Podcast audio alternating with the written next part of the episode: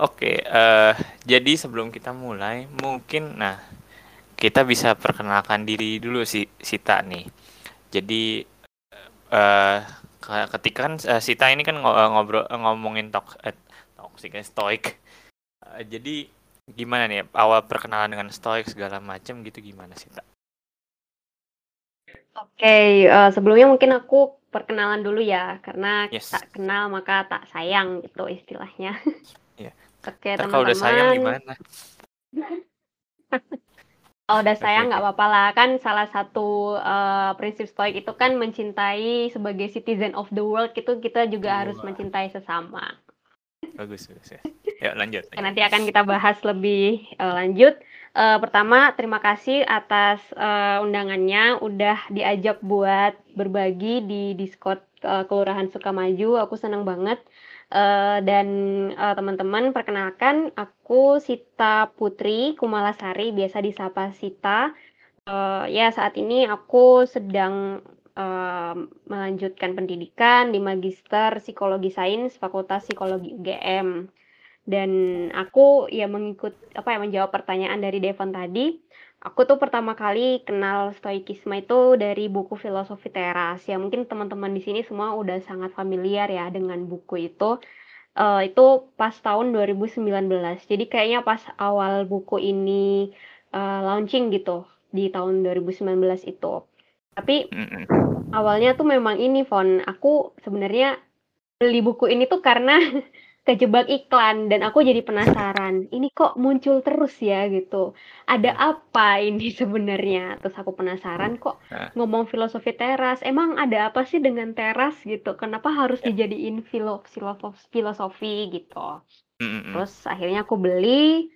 Aku awalnya baca tapi kayak kok ini uh, menarik tapi kok kenapa ya? Ini kok aku baru tahu ya tentang hal ini gitu hal ini tuh baru tapi sebenarnya nggak yang baru-baru banget gitu kan. Nah ya udah tuh aku mulai uh, mendalami aku mulai baca pelan-pelan bukunya terus uh, mulai awalnya tuh kayak masih biasa aja pas baca kayak nggak ada yang mempengaruhiku secara uh, apa ya baik itu secara mental ataupun spiritual. Cuma I found it itu menarik gitu buku itu. Ada akhirnya di tahun di tahun 2020 uh, eh, karena aku waktu itu sesi terapi dengan psikologku karena hmm. aku didiagnosis kecemasan ya dan depresi juga waktu itu itu awal tahun 2020 terus uh, apa yang dikatakan oleh psikologku waktu itu uh, sama sama persis dan saling melengkapi dengan di buku filosofi teras ini. Hmm. Nah hmm. dari situ aku mulai penasaran tuh Fon kok bisa ya gitu? Emang ada apa nih dengan filosofi teras ini? Dengan stoikisme ini gitu. Ya. nah setelah itu barulah aku mendalami dari situ. Aku mulai belajar aku mulai pelan-pelan praktekin uh, filosof apa filsafat stoikisme ini. Aku mulai oh ternyata stoikisme ini tuh bisa loh kita praktekkan. Filsafat itu nggak nggak uh, rumit nggak seberat yang ada di pikiranku pada saat itu.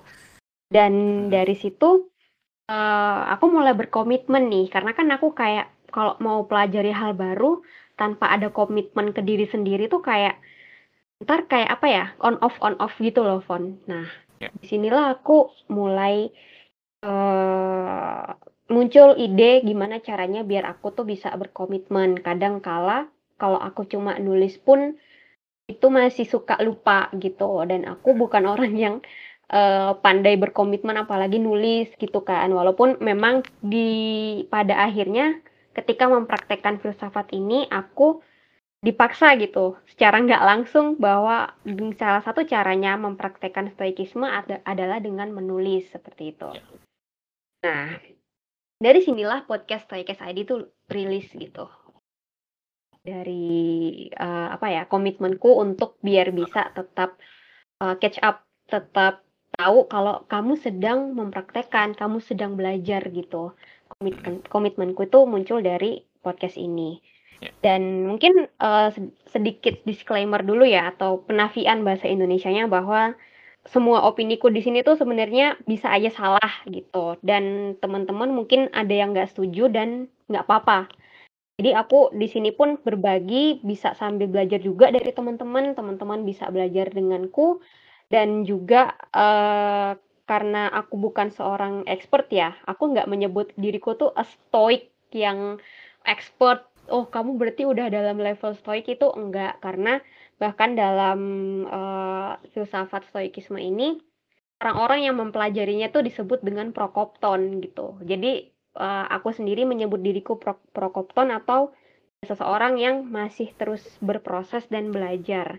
Dan juga misal ada pertanyaan yang belum bisa aku jawab nantinya ketika teman-teman bertanya, mungkin kita bisa simpen dulu gitu pertanyaannya dan nanti bisa diskusi langsung di uh, channel-channel yang ada. Mungkin itu sih disclaimer dari aku. Itu Fon. Oke oke okay. nice nice. Berarti uh, memutuskan untuk bikin podcast itu sebenarnya tadi buat uh, komitmen ke diri sendiri ya wujud komitmen ke diri sendiri gitu ya. Iya, betul. Soalnya kayak apa ya? Aku juga menjadikan podcastku tuh kayak ajang uh, refleksi mingguan karena memang hmm. tayangnya cuma sekali seminggu. Jadi seminggu itu kira-kira pelajaran apa nih yang aku dapat minggu ini tuh temanya tentang apa gitu. Jadi aku biasanya share di podcastku kayak misal aku nemu hal-hal yang oh ternyata ini sesuai nih dengan apa yang aku praktekkan, aku yang apa yang aku pelajari uh, dari filsafat stoikisme ini kayak gitu sih. Stoikes idea ini ini gue tulis yes. penulisannya di uh, spiritual ya. Teman-teman juga kalau mau tanya-tanya ke Sita bisa tanya di channel spiritual ya. Like ID gue juga udah beberapa kali dengerin juga nih podcastnya Sita dan dan seru seru seru banget sih podcastnya. Oke. Okay. dan uh, kita lanjut nih ya ke ke pembahasan. Nah tadi udah ngomongin stoik uh, stoik gitu dan podcast stoikcast segala macam gitu. Nah, sebenarnya stoik itu apa sih? Pertanyaan, mungkin pertanyaan orang-orang okay. nih. Stoik itu apa? Oke, okay, ya. jadi kalau teman-teman nanya, stoik itu itu salah satu aliran filsafat Yunani Romawi kuno ya yang diajarkan oleh Zeno. Jadi pendirinya itu adalah Zeno yang dia tuh berasal dari Sitium. Kalau sekarang itu disebutnya uh, Siprus gitu, salah satu kota yang ada di uh, daerah apa ya, deket deket Turki lah gitu, deket Laut Mediterania. Hmm. Dan konstruk dari stoikisme, konstruk itu apa ya? Aku gara-gara belajar psikologi jadi kebanyakan istilah. Konstruk itu kayak uh, yang menjadikan dasar fondasi aliran stoikisme ini ada. Ya, struktur Dasar, bisa dibilang struktur. struktur. Thank you Velika. Ya, benar dasarnya strukturnya itu ada terdiri dari tiga yang pertama itu fisika, logika, dan juga etika. Nah, yang aku bahas di sini itu lebih kepada etikanya, teman-teman. Jadi kita nggak akan ada sempat uh, waktu untuk bahas tentang fisika dan logika karena memang uh, keterbatasan pengetahuanku juga dan masih belajar tentang hal itu. Dan kalau kita bahas tiga-tiganya bakal sampai seminggu ini. kita bikin stoic week nanti akhirnya. Jadi uh, yang kita bahas di sini lebih ke etikanya aja dan itu masih kayak uh, apa ya uh, permukaannya aja gitu. Dan yang paling menarik dari etika ini, etika dalam stoikisme itu adalah panduan hidup sehari-harinya. Gitu. Dan juga tujuan utama kalau ditanya kenapa kita belajar stoikisme, apa yang ingin kita capai sebenarnya. Nah, tujuannya itu mencapai yang namanya apatheia atau apatheia itu kondisi seseorang yang terbebas dari uh, berbagai emosi negatif gitu. Kayak misalnya serakah, kemudian hawa nafsu, cemburu, curiga, iri, dengki, dan sedih, marah, dan lain sebagainya. Jadi emosi-emosi negatif ini kita terbebas dari emosi negatif atau apatheia. Kemudian uh, berikutnya kita hidup berselaras dengan alam, dan juga menghidup itu mengasah empat kebajikan utama atau biasa disebut four cardinal virtus atau bahasa Yunaninya itu arete gitu. Jadi uh, apa aja nih empat kebajikan utama? Itu ada wisdom atau kebijaksanaan, kemudian ada courage atau keberanian, kemudian ada uh, justice, keadilan, dan terakhir tuh temperance atau uh, menahan diri. Hmm. Mungkin itu sih. Dan juga kalau misalnya uh, stoik itu kalau aku baca kemarin tuh udah kayak dijadiin satu apa ya adjektif atau verb gitu dalam bahasa Inggris ya di Cambridge atau di kamus Oxford gitu kalau aku nggak salah.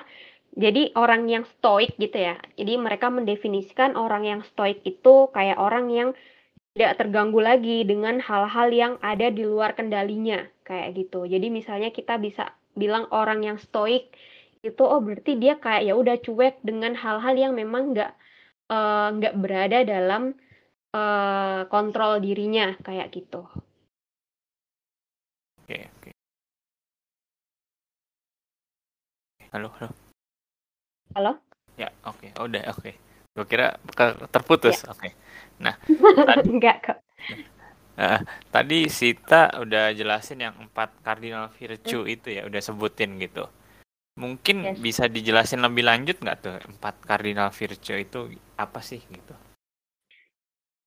Oke, jadi kalau kita bahas tentang empat kardinal virtue itu yang tadi yang pertama itu ada wisdom kebijaksanaan gitu. Jadi gimana kita uh, bijaksana dengan hal-hal yang uh, baik dalam kendali kita ataupun di luar kendali kita gitu. Terus habis itu uh, bijaksana dalam menggunakan rasio kita gitu. Jadi dalam stoik itu kan yang paling diutamakan sebenarnya rasio atau akal atau bisa dibilang itu logikanya kita kayak gimana gitu.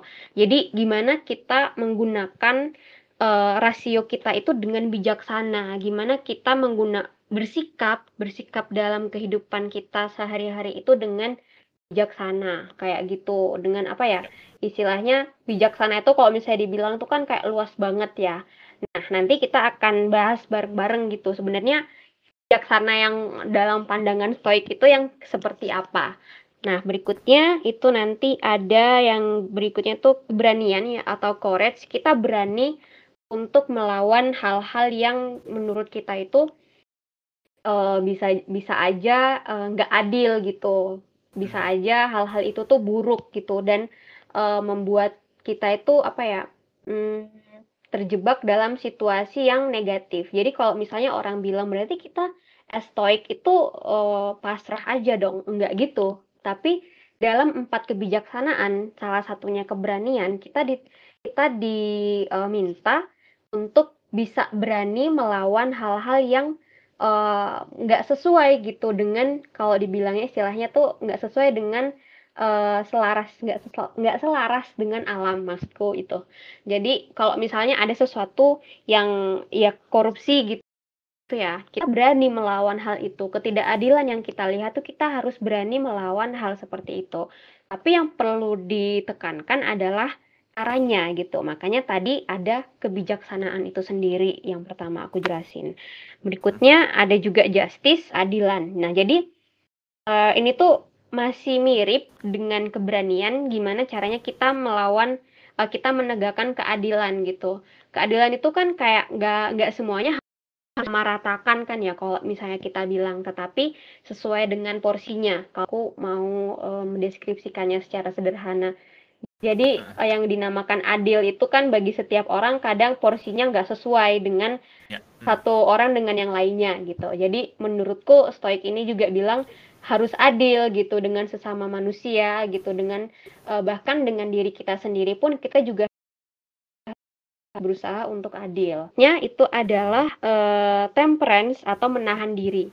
Kita menahan diri dari berbagai macam emosi, emosi negatif salah satunya, kemudian menahan menahan diri dari hawa nafsu gitu. Hal-hal yang membuat kita mungkin hilang akal tidak menggunakan rasa kita dan tindak gitu.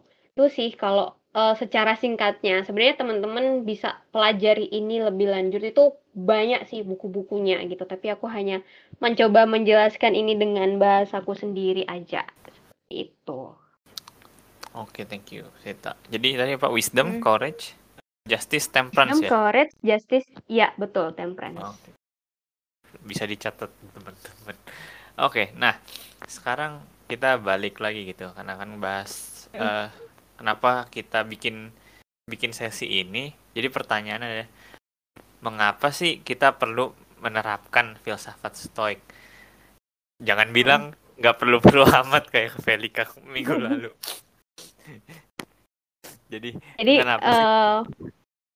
Eh, silakan. Jadi sebenarnya eh, alasanku kenapa kita perlu menerapkan filsafat stoik itu ya balik lagi ke dirinya sendiri. Karena aku bilang nggak wajib kok teman-teman me- apa ya mengikuti atau mempelajari aliran ini. Tapi satu hal yang perlu aku tekankan ada beberapa alasan. Yang pertama adalah eh, umat manusia itu pasca Perang Dunia Kedua, Hmm. umat manusia itu kan semakin cerdas ya.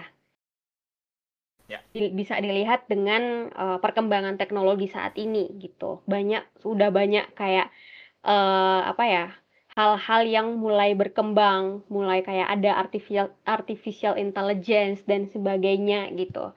Tetapi hal yang menarik adalah indeks kebahagiaan manusia dibandingkan 100 tahun yang lalu, 500 tahun yang lalu, bahkan di masa di mana stoik ini lahir, itu sama aja. Jadi indeks kebahagiaan itu sebenarnya nggak ada apa ya, nggak nggak semakin naik gitu. Ibaratnya kalau pakai grafik, ya kecerdasan semakin meningkat, tapi indeks kebahagiaan ya lempeng gitu-gitu aja gitu. Jadi emang gimana ya? Eh, ini hal yang menarik gitu. Alasan yang pertama. Yang kedua, manusia itu kan diselimuti dengan berbagai rasa takut. Salah satunya kita tuh takut dibunuh oleh teroris, kemudian kita takut eh, dibunuh oleh kelaparan gitu. Kita takut nggak bisa makan mungkin, nah macam-macam kan, macam-macam ketakutan kita. Eh, bahkan kita takut yang sekarang ini ya pandemi itu. Apalagi apalagi pas awal-awal gitu. Kita takut banget dengan eh, virus COVID-19 dan hal itu wajar. Tapi eh, apa ya penelitian ini eh, ada di buku. Kalau teman-teman baca buku hanya Yuval dan itu dibilang kalau kita tuh lebih takut sebenarnya dibunuh oleh diri kita sendiri gitu kita tuh takut ya ini ya agak trigger warning tapi nggak apa-apa. Eh, apa ya takut dibunuh oleh diri kita sendiri kita takut gitu. Karena misalnya ngebunuh bunuh diri itu adalah hal yang paling ditakuti. Dan eh, sebenarnya data yang menunjukkan terorisme orang yang apa ya eh, orang-orang yang dibunuh oleh terorisme itu lebih sedikit jumlahnya dibandingkan orang-orang yang melakukan suicide data menunjukkan kalau ini belum berubah, kalau ini sudah berubah, eh, tapi ini data aku belum belum ngambil data yang baru menunjukkan ada sekitar 4.700-an orang yang dibunuh oleh terorisme. Gitu. Tetapi orang-orang yang melakukan bunuh diri atau suicide itu per tahunnya bisa mencapai 800.000 orang. Seperti itu. Jadi Jauh ya. merupakan hal yang apa ya agak ironis juga itu sebenarnya. Tapi bukan berarti aku bilang berarti orang-orang yang dibunuh terorisme nggak penting dong. Ya penting gitu. Aku nggak mena- menyatakan hal itu nggak penting teman-teman. Cuma ini menunjukkan bahwa eh, kenapa indeks kebahagiaan itu nggak apa ya nggak ada kenaikannya dalam setahunnya gitu. Eh dalam eh, dalam 100 tahun yang lalu bahkan dari zaman Zeno yang pendiri dari filsafat stoikisme ini.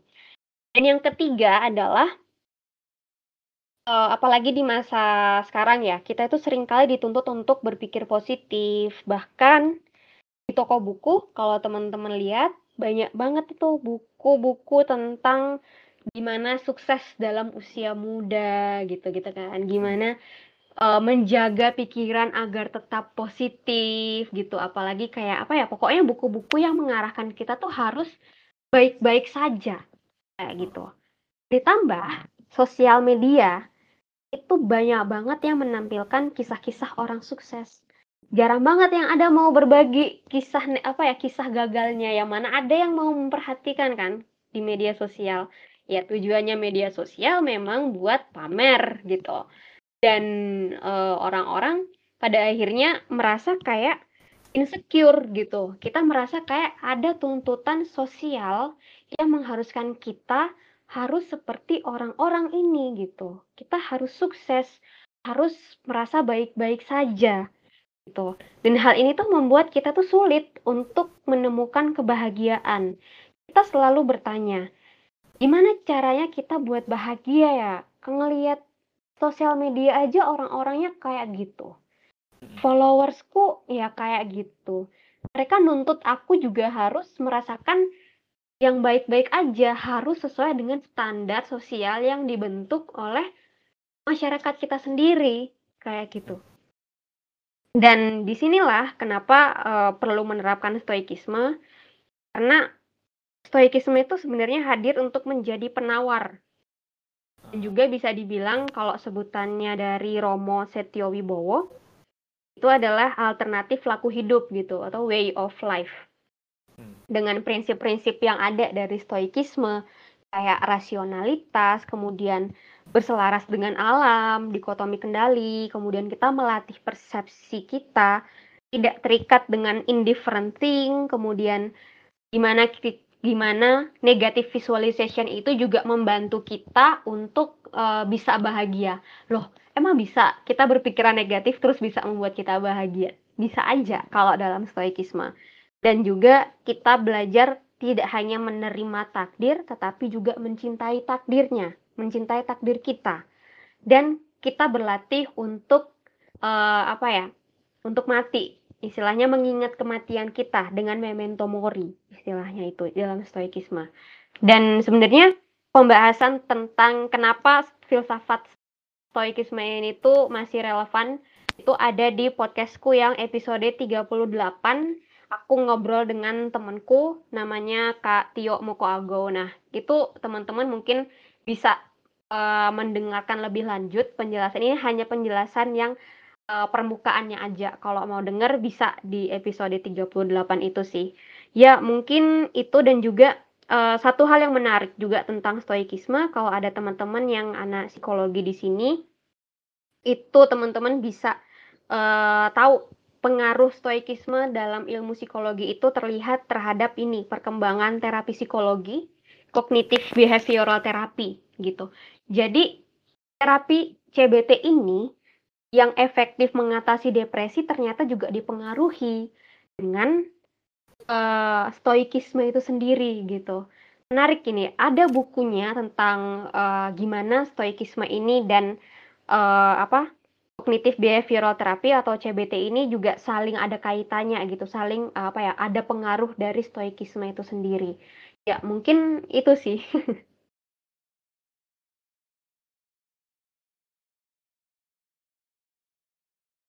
Halo, halo. Yuk. Oh, koneksi gue nih. Kedengeran kah suara gue? Eh, koneksi gue. Kedengeran, kedengeran. Oke, oke. Oke, jadi gitu ya, uh, Sita. Uh, jadi yang menarik ini juga bisa di stoik ini ya bisa dihubungin ke ilmu-ilmu mana aja ya tadi ya. Jadi ke psikologi mm -mm, juga bisa. Dan kalau dilihat pun juga ke agama gitu juga juga masuk masuk aja kan sebenarnya gitu kalau mm-hmm. kita ngomongin filsafat nice nice nah oh iya, kalau oh, dalam ini, agama ini. sih Fon ya. aku menganggapnya stoikisme ini hmm. tuh lebih kayak komplementer jadi saling melengkapi gitu. Kalau misalnya ada orang yang bilang ah belajar filsafat nanti bikin kita ateis, itu harus ditanya dulu nih dia apakah sudah memiliki pengetahuan yang baik terkait agamanya sendiri dulu atau bagaimana dia mempersepsikan filsafat itu dalam pikirannya gitu dalam kehidupan sehari-harinya. Jadi memang harus seimbang gitu porsinya dan kita juga tetap harus kritis. Kita juga tetap harus mempertanyakan ya. uh, bertanya ya istilahnya tentang filsafat itu sendiri gitu. Karena kalau dilihat uh, aku pernah ikut ngaji filsafat di YouTube ya kalau teman-teman tahu Pak Fahrudin Faiz. Yeah. juga membahas tentang filsafat ini gitu stoikisme. Dan dari semua aliran filsafat stoikisme ini yang paling uh, dekat dengan uh, apa ya agama agama Islam gitu. Jadi konsepnya kayak hmm. uh, tawadu, kemudian apa ya namanya itu berserah diri itu tuh juga uh, apa ya sesuai gitu deng dengan agamaku sendiri karena aku agama apa ya beragama Islam gitu. Tapi menurutku hmm. karena apa ya yang yang jadi menarik itu juga uh, padahal agama itu kan muncul setelah uh, filsafat stoik ini tuh lahir gitu.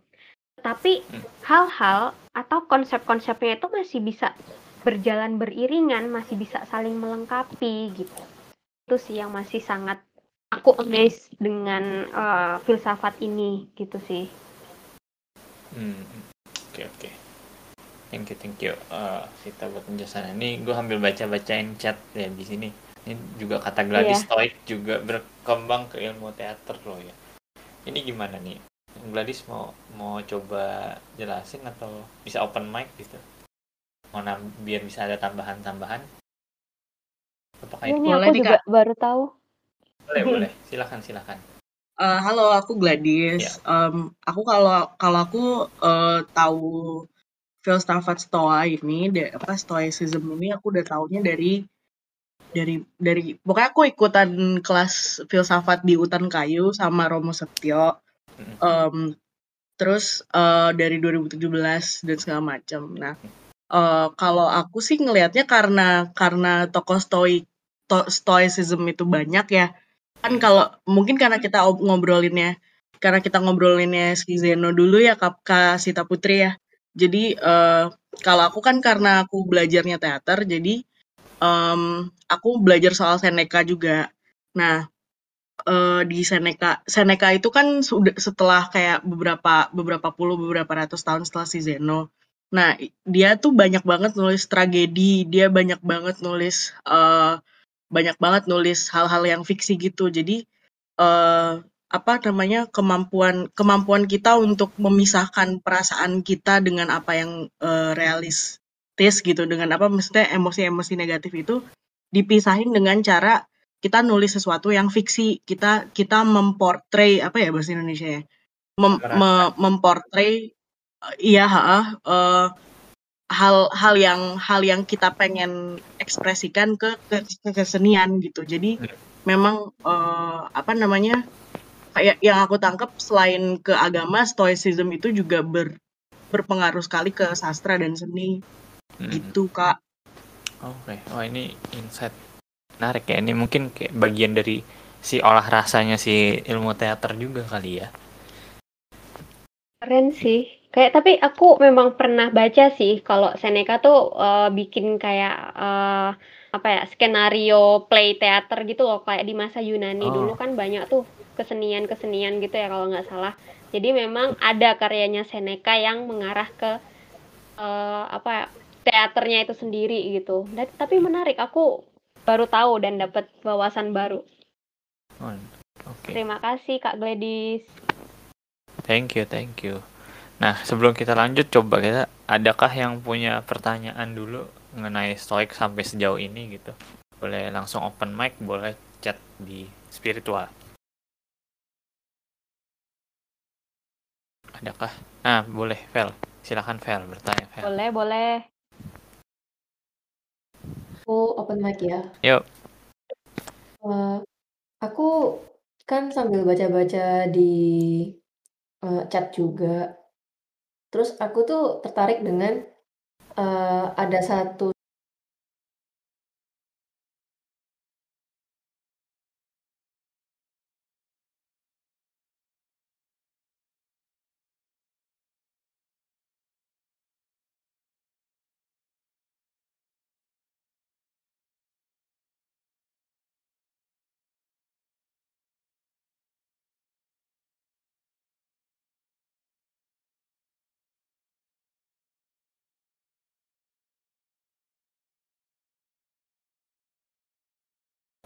stereotip satu hal yang sifatnya tidak adil, terus untuk menegakkan keadilan itu dari for virtue itu sebenarnya juga ada emosi yang di belakang itu. Cuman sebenarnya bukan mengeliminasi sepenuhnya nggak sih, tapi kayak memilah terus habis itu kayak memahami, terus mengatur tindakannya gitu. Atau memang sebenarnya tujuannya adalah numbness karena kok kayaknya Agak menentang kodrat ya. Manusia tuh kayaknya sulit deh untuk jadi enam. Malah sebenarnya manusia tuh merasakan banyak hal banget gitu.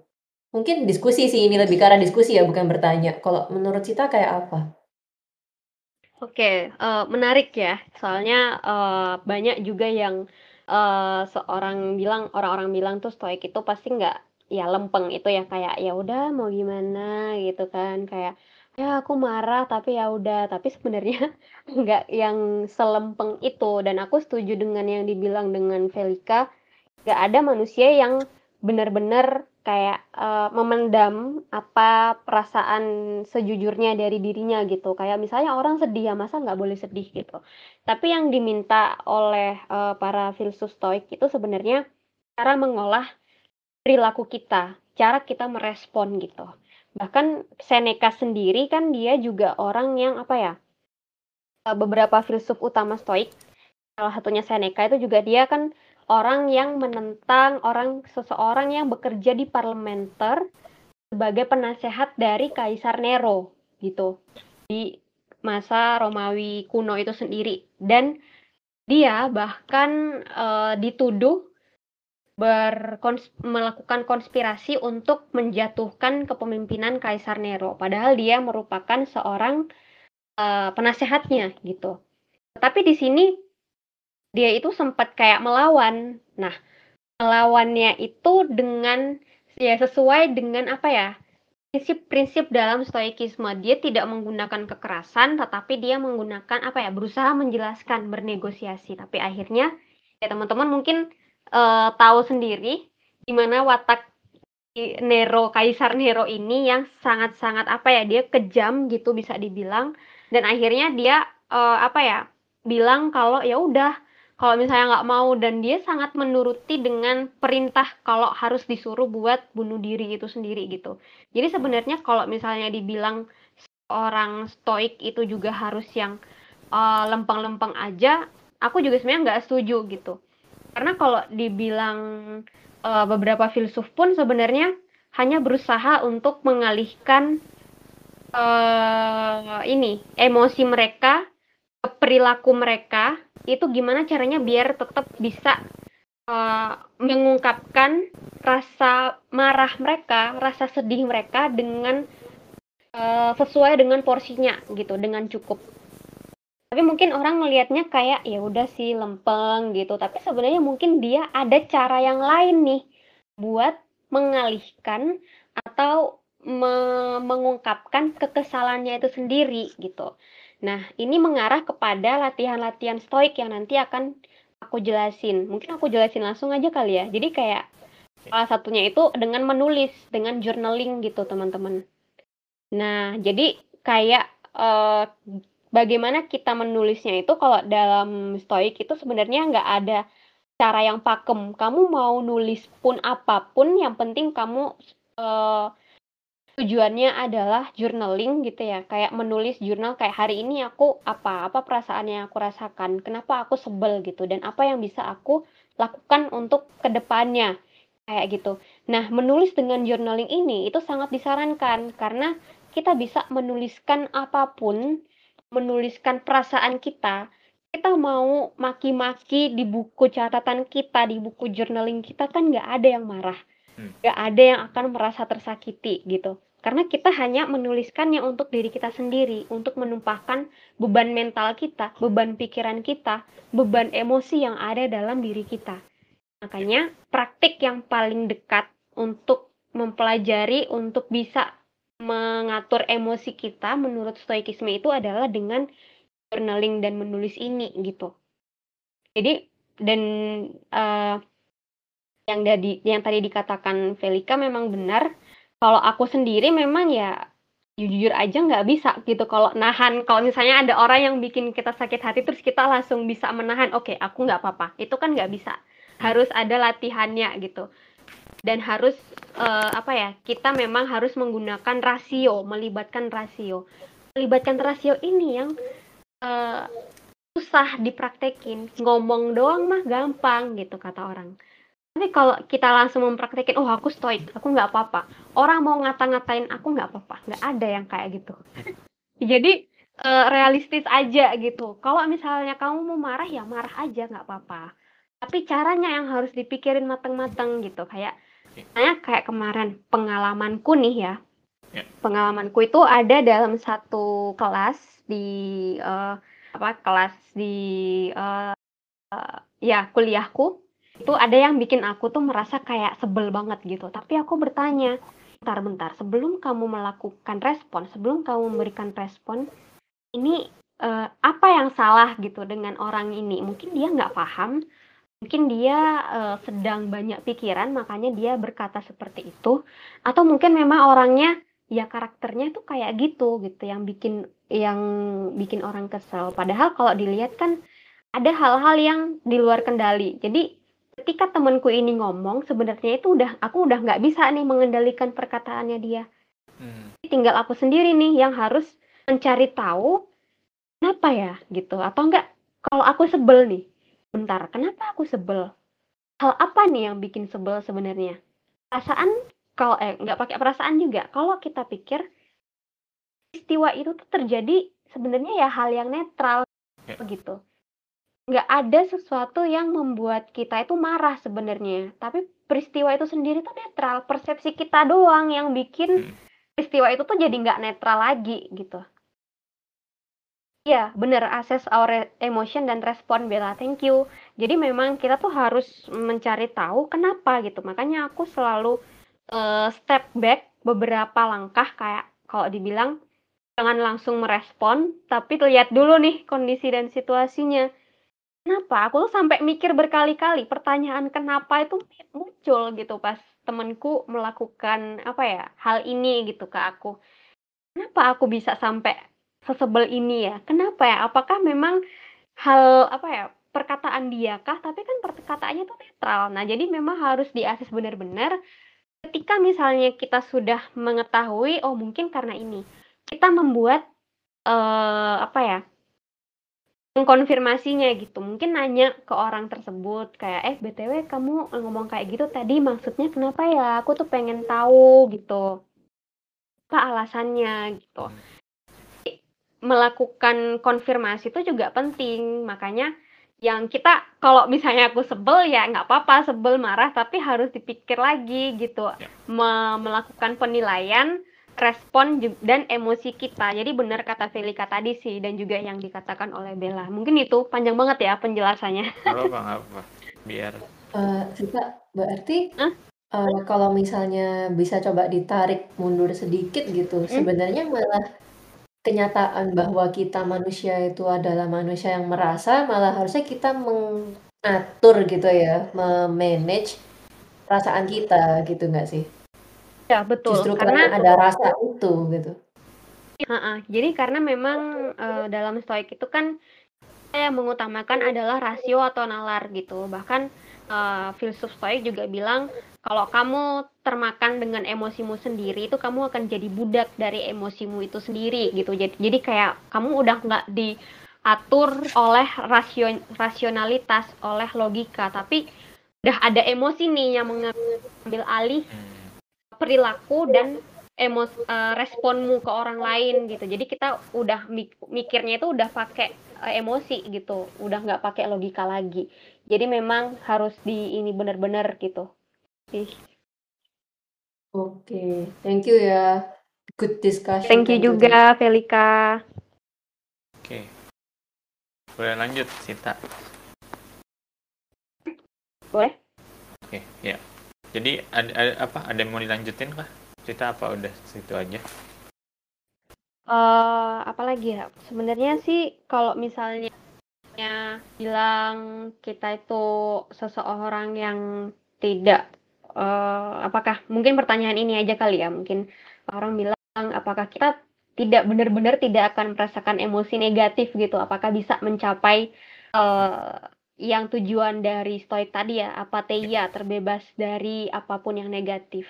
Kalau aku sendiri mungkin bisa mengatakannya adalah kita lebih bisa mengendalikan aja sih, bukan yang benar-benar terbebas plong gitu. Karena sebenarnya emosi negatif itu juga kita perlukan dan karena kalau dari dilihat dari sisi ilmu psikologi sendiri eh, hidup itu kalau cuma emosi negatif kan nggak seru ya.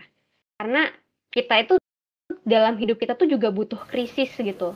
Kita butuh emosi negatif agar kita tuh bisa tahu oh ternyata ketika aku ada di emosi ketika aku ada di kondisi yang menurutku itu kurang baik atau memunculkan emosi negatif dari peristiwa itu kita bisa tahu nih bahwa oh aku belajar hal-hal yang baik dari emosi negatifku kali ini gitu. Kayak kemarin contoh dari aku sendiri ketika aku sebel aku bisa paham gitu. Kalau dulu mungkin aku nggak akan seperti itu gitu. Hmm. kalau dulu mungkin aku ka- akan langsung ngerespon dengan ya kata-kata yang judes dengan kata-kata yang jutek gitu. Kayak ya karena dia dia banyak istilahnya orang ini tuh bosi gitu. Aku mungkin bisa aja bilang ya udah kamu aja yang jadi ketua kelas ya udah kamu aja yang itu daripada nyuruh-nyuruh. Tapi ketika sudah mempelajari stoik itu aku lebih bisa mengontrol hal itu. Aku lebih bisa mengetahui bahwa apa yang aku katakan itu akan berimbas jangka panjang gitu. Gak cuma eh, aku doang yang menyakiti temenku tetapi diriku sendiri juga yang akan tersakiti dengan perkataan itu. Kayak gitu jadi eh, kalau kata ntar aku ba- baca chatnya baik itu seperti alat untuk emotion kita tapi output yang kita keluarin hanya emosi positif aja. Hmm, hanya emosi positif aja sebenarnya kalau dari aku eh, Kak Felicia. Jadi eh, emosi positif itu sebenarnya di kalau orang-orang ngelihat mungkin kayak misalnya kita bertindak secara ya yang lempeng-lempeng aja mungkin kata orang itu kayak apaan sih kamu kok nggak yang ini? Pasti selalu aja persepsi orang itu membuat apa ya perilaku sikap kita itu akan terlihat selalu negatif mungkin di di mata orang lain. Adalah gimana cara kita mengatur lebih kepada cara kita mengatur emosi positif gitu. Ini mungkin udah agak eh, melenceng ya dari tujuan dari apa stoikisme, tapi artinya adalah gak ada yang bisa mencapai gitu. Kalau dari aku sendiri ya, bahkan filsufnya sendiri tuh bilang kita nggak akan pernah bisa mencapai kondisi stoik yang benar-benar stoik sejati itu nggak ada gitu. Kalau misalnya dibilang jadi aku mungkin mau pengen menjelaskan kita nggak akan bisa terbebas sama sekali dari emosi negatif dan output emosi positif itu sendiri mungkin hanya eh, muncul dari berbagai macam pelat apa ya latihan yang telah kita lakukan gitu mungkin Kak Felicia. Jadi eh, nggak apa-apa kalau kita mau ngeluarin output negatif, kita mengeluarkannya dengan cara yang bijak gitu. Jadi cara yang bijak itu apa? Kayak tadi yang pernah aku sampaikan, yaitu menulis dengan journaling itu kan kita mengeluarkan emosi negatif ya dalam jurnal kita, dalam tulisan kita, dan itu nggak apa-apa. Tapi output pos emosi positif itu adalah ketika kita sudah bisa mengeluarkan emosi negatif, ketika kita sudah bisa mengaksesnya, menilainya, mengo- mengolahnya, maka pasti yang keluar yang akan terlihat oleh orang lain itu mungkin hanya emosi positif aja. Padahal orang nggak tahu nih kita apakan emosi negatif itu teman-teman. Jadi memang eh, ada banyak cara gitu. Bukan berarti kita merepress emosi negatif itu, tetapi kita mengolahnya dengan lebih bijak. Mungkin seperti itu. ya misalnya kalau ya emang kalau marah ya bener emang kita marah tapi kalau misalnya sampai marah terus mukul orang gitu kali ya itu mungkin Nah, heeh, betul. Itu Hmm. Jadi makanya kalau dalam agamaku ya, eh, mungkin ya ini secara universal banyak yang bilang gitu. Kalau kamu marah, maka kalau kalau kalau kamu marah dalam keadaan berdiri, maka duduklah. Kalau kamu marah dalam keadaan duduk, maka berbaringlah gitu. Jadi ada banyak cara gitu untuk bisa membuat kita itu nggak langsung melakukan tindakan tindakan yang merugikan diri kita dan orang lain kayak tadi Devon bilang. Kita marah langsung mukul itu berarti salah iya salah. Tapi gimana cara kita mengontrol marah itu? Hmm. mungkin kita dengan duduk sebentar tarik nafas terus kita bilang e, bentar ayo kita duduk dulu. Aku marah gitu ya bilang aku marah tetapi aku pengen menjelaskannya tuh seperti ini loh yang pengenku. Mungkin kamu ada keinginan yang lain atau ekspektasi yang lain gitu kan Cuma kalau misalnya kita praktekkan memang susah gitu. Iya sih. Kadang perlu lah juga gitu. Gitu sih. Itu betul ya. Ya oh, kayak kayak mau marah eh kita marah ya pengennya kan onjok aja kan sebetulnya gitu kan. Iya. Oke oke. Kayak gitu. Iya iya. Thank you Sita buat penjelasan. Terus kalau mau belajar ini ya, okay. stoik ini belajar dari Choi Ung ya. Iya. Jadi uh, kalau teman-teman uh, ada yang suka nonton drakor ya. Jadi yang nonton Our Beloved Summer itu nah contoh stoik karakter stoik itu adalah dari karakternya Choi Ung ini gitu. Choi Ung ini kan dia kalau teman-teman nonton ya dari drakor Our Beloved Summer, dia ini kan kayak uh, kok hidupnya kayak lempeng-lempeng aja gitu kan. Terus kayak enggak yang uh, apa ya ambisius banget gitu. Bahkan saingannya itu bikin rumor tentang dia yang uh, apa karyanya Choi Ung itu tuh ngejiplak karya dari temennya itu kan dia kayak bilang ya udahlah nggak kita nggak usah memberikan respon kita diem aja gitu. Bahkan Choi Ung nggak yang merasa terbebani atau merasa kayak langsung marah aku nggak terima kenapa karyaku oh, dibilang ngejiplak nah nggak gitu. Tapi dia kayak cuma ngeliat aja terus udah kita tunggu gitu. Tapi dia melakukan hal itu dengan menunjukkan bahwa ini loh originalnya aku tuh kayak gini dan mungkin ada perbedaan. Jadi kayak dia kembaliin lagi ke uh, audiensnya. Kalau nggak salah tuh episode awal-awal ya aku lupa episode berapa yang dia yang dia akhirnya menunjukkan kepada uh, audiens yang muncul dalam pameran itu gitu. Dan ya audiensnya akhirnya mengakui gitu. Dan rumor itu perlahan-lahan menghilang gitu. Nah kita nggak akan tahu nih kalau misal Choi Ung ya me merespon gitu dengan bilang aku nggak menplak karya. Bah mungkin itu bakal uh, jadi sesuatu hal yang ini yang melebar gitu. Mbak apa drakornya. Jadi mungkin fokus ke Choi Ung sendiri gitu bukan bukan ke Choi Ung dan si Yonsunya kayak gitu sih. Iya, nanti bikin itu lagi dia, bikin dokumenternya beda lagi. nah benar.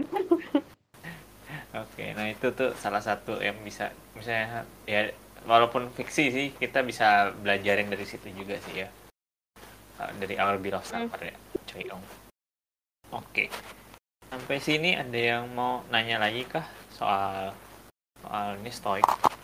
Kalau ada boleh open mic. Oh boleh kak. Oke Debbie silahkan Debbie. Boleh boleh.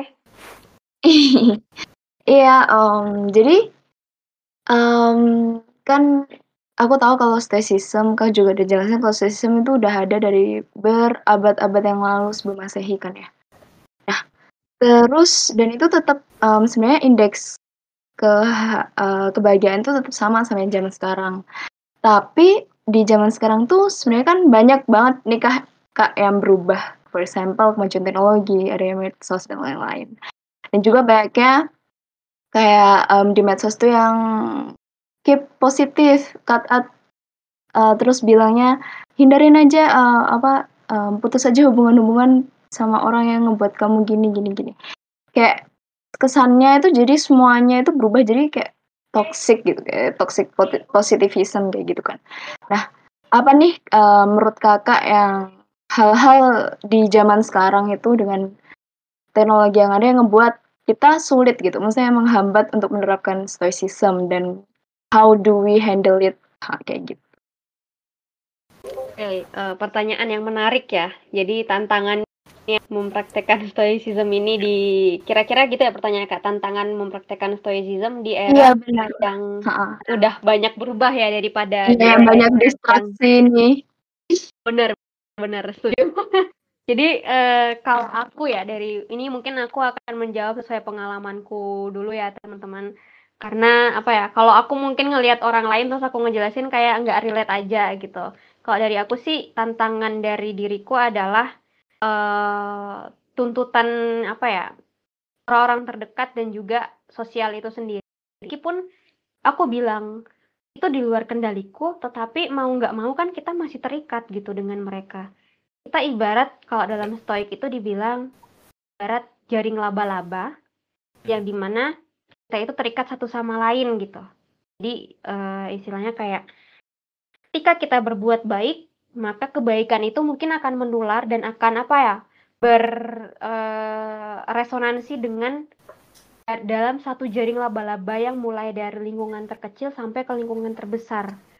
Begitupun dengan hal-hal buruk yang mungkin akan kita lakukan gitu. Akan ada efek kausalitas, benar tadi kata Kak siapa yang di atas. Ada efek kausalitas gitu Jadi ya Kak Arianti. Nah itu juga jadi kayak ada hal-hal yang uh, membuat efek timbal balik gitu, sebab akibat. Jadi memang uh, mungkin itu pertama, kayak orang pasti akan selalu ada kayak bilang kamu kok belajar filsafat? Hati-hati ntar kamu ateis gitu.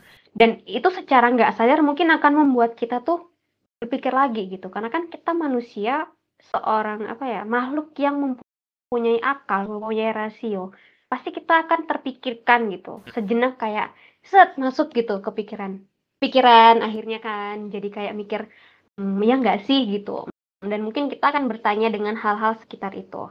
Kemudian tantangan berikutnya itu adalah lebih kepada uh, apakah memang uh, jadi banyak pertanyaan ketika hal ini tuh dihubungkan dengan uh, apa ya kayak mungkin sosial sosial itu sendiri dalam konteks yang lebih besar ya itu tadi sih yang tadi. Jadi mungkin kalau dibilang uh, ini ya era era disruptif yang zaman sekarang itu kan udah banyak banget ya zaman kita dibandingkan dengan zaman dari para filsuf yang masih di zaman Romawi kuno. Nggak ada lah itu istilah kayak buat ngeposting sesuatu hal gitu di Instagram gitu. Misalnya Marcus Aurelius salah satu filsuf stoik habis berperang terus ngeposting di IG gitu kan terus bilang akhirnya selesai perang di sini gitu kan. Nggak ada kayak gitu. Tapi kita ada tuntutan untuk apa ya show up gitu. Tuntutan untuk hmm, uh, pop apa ya eksistensi dalam dunia maya. Nggak cuma dalam dunia real life kita gitu. Ada tuntutan untuk mengarah ke situ gitu sebenarnya dan orang-orang pasti akan bertanya gitu kenapa kamu nggak gini kenapa kamu nggak gitu tantangannya itu lebih gimana cara kita merespon orang-orang yang mungkin kita nggak bisa temui dalam dunia nyata, tetapi kita bisa temui dalam dunia maya gitu. Kayak haters misalnya yang kita temui. Orang-orang kan bisa aja nih bersih. Nah, tantangannya itu adalah ketika kita bertemu dengan orang-orang anonimus, teman-teman. Hmm. Misalnya dalam dunianya filsuf dulu, kita kan ketemu mereka ketemu orang itu kan pasti secara langsung belum ada yang namanya media sosial. Yeah. Ketika kita di zaman sekarang kita mempraktekkan stoik, kita punya medsos, punya Twitter, punya IG, di mana identitas kita bisa aja kita samarkan, kita menjadi anonymous. Nah, hal inilah yang menjadi tantangan. Apakah kamu akan menggunakan uh, apa ya karakter atau ciri yang berbeda antara akun yang anonimusmu dengan akun-akun yang memang kamu membangun citra uh, dirimu sendiri di akun itu gitu. Kayak misalnya ada orang punya second account gitu. Hmm. Mungkin banyak yang relate ya, termasuk aku juga punya second account, tapi second accountku yang satu tuh buat anime.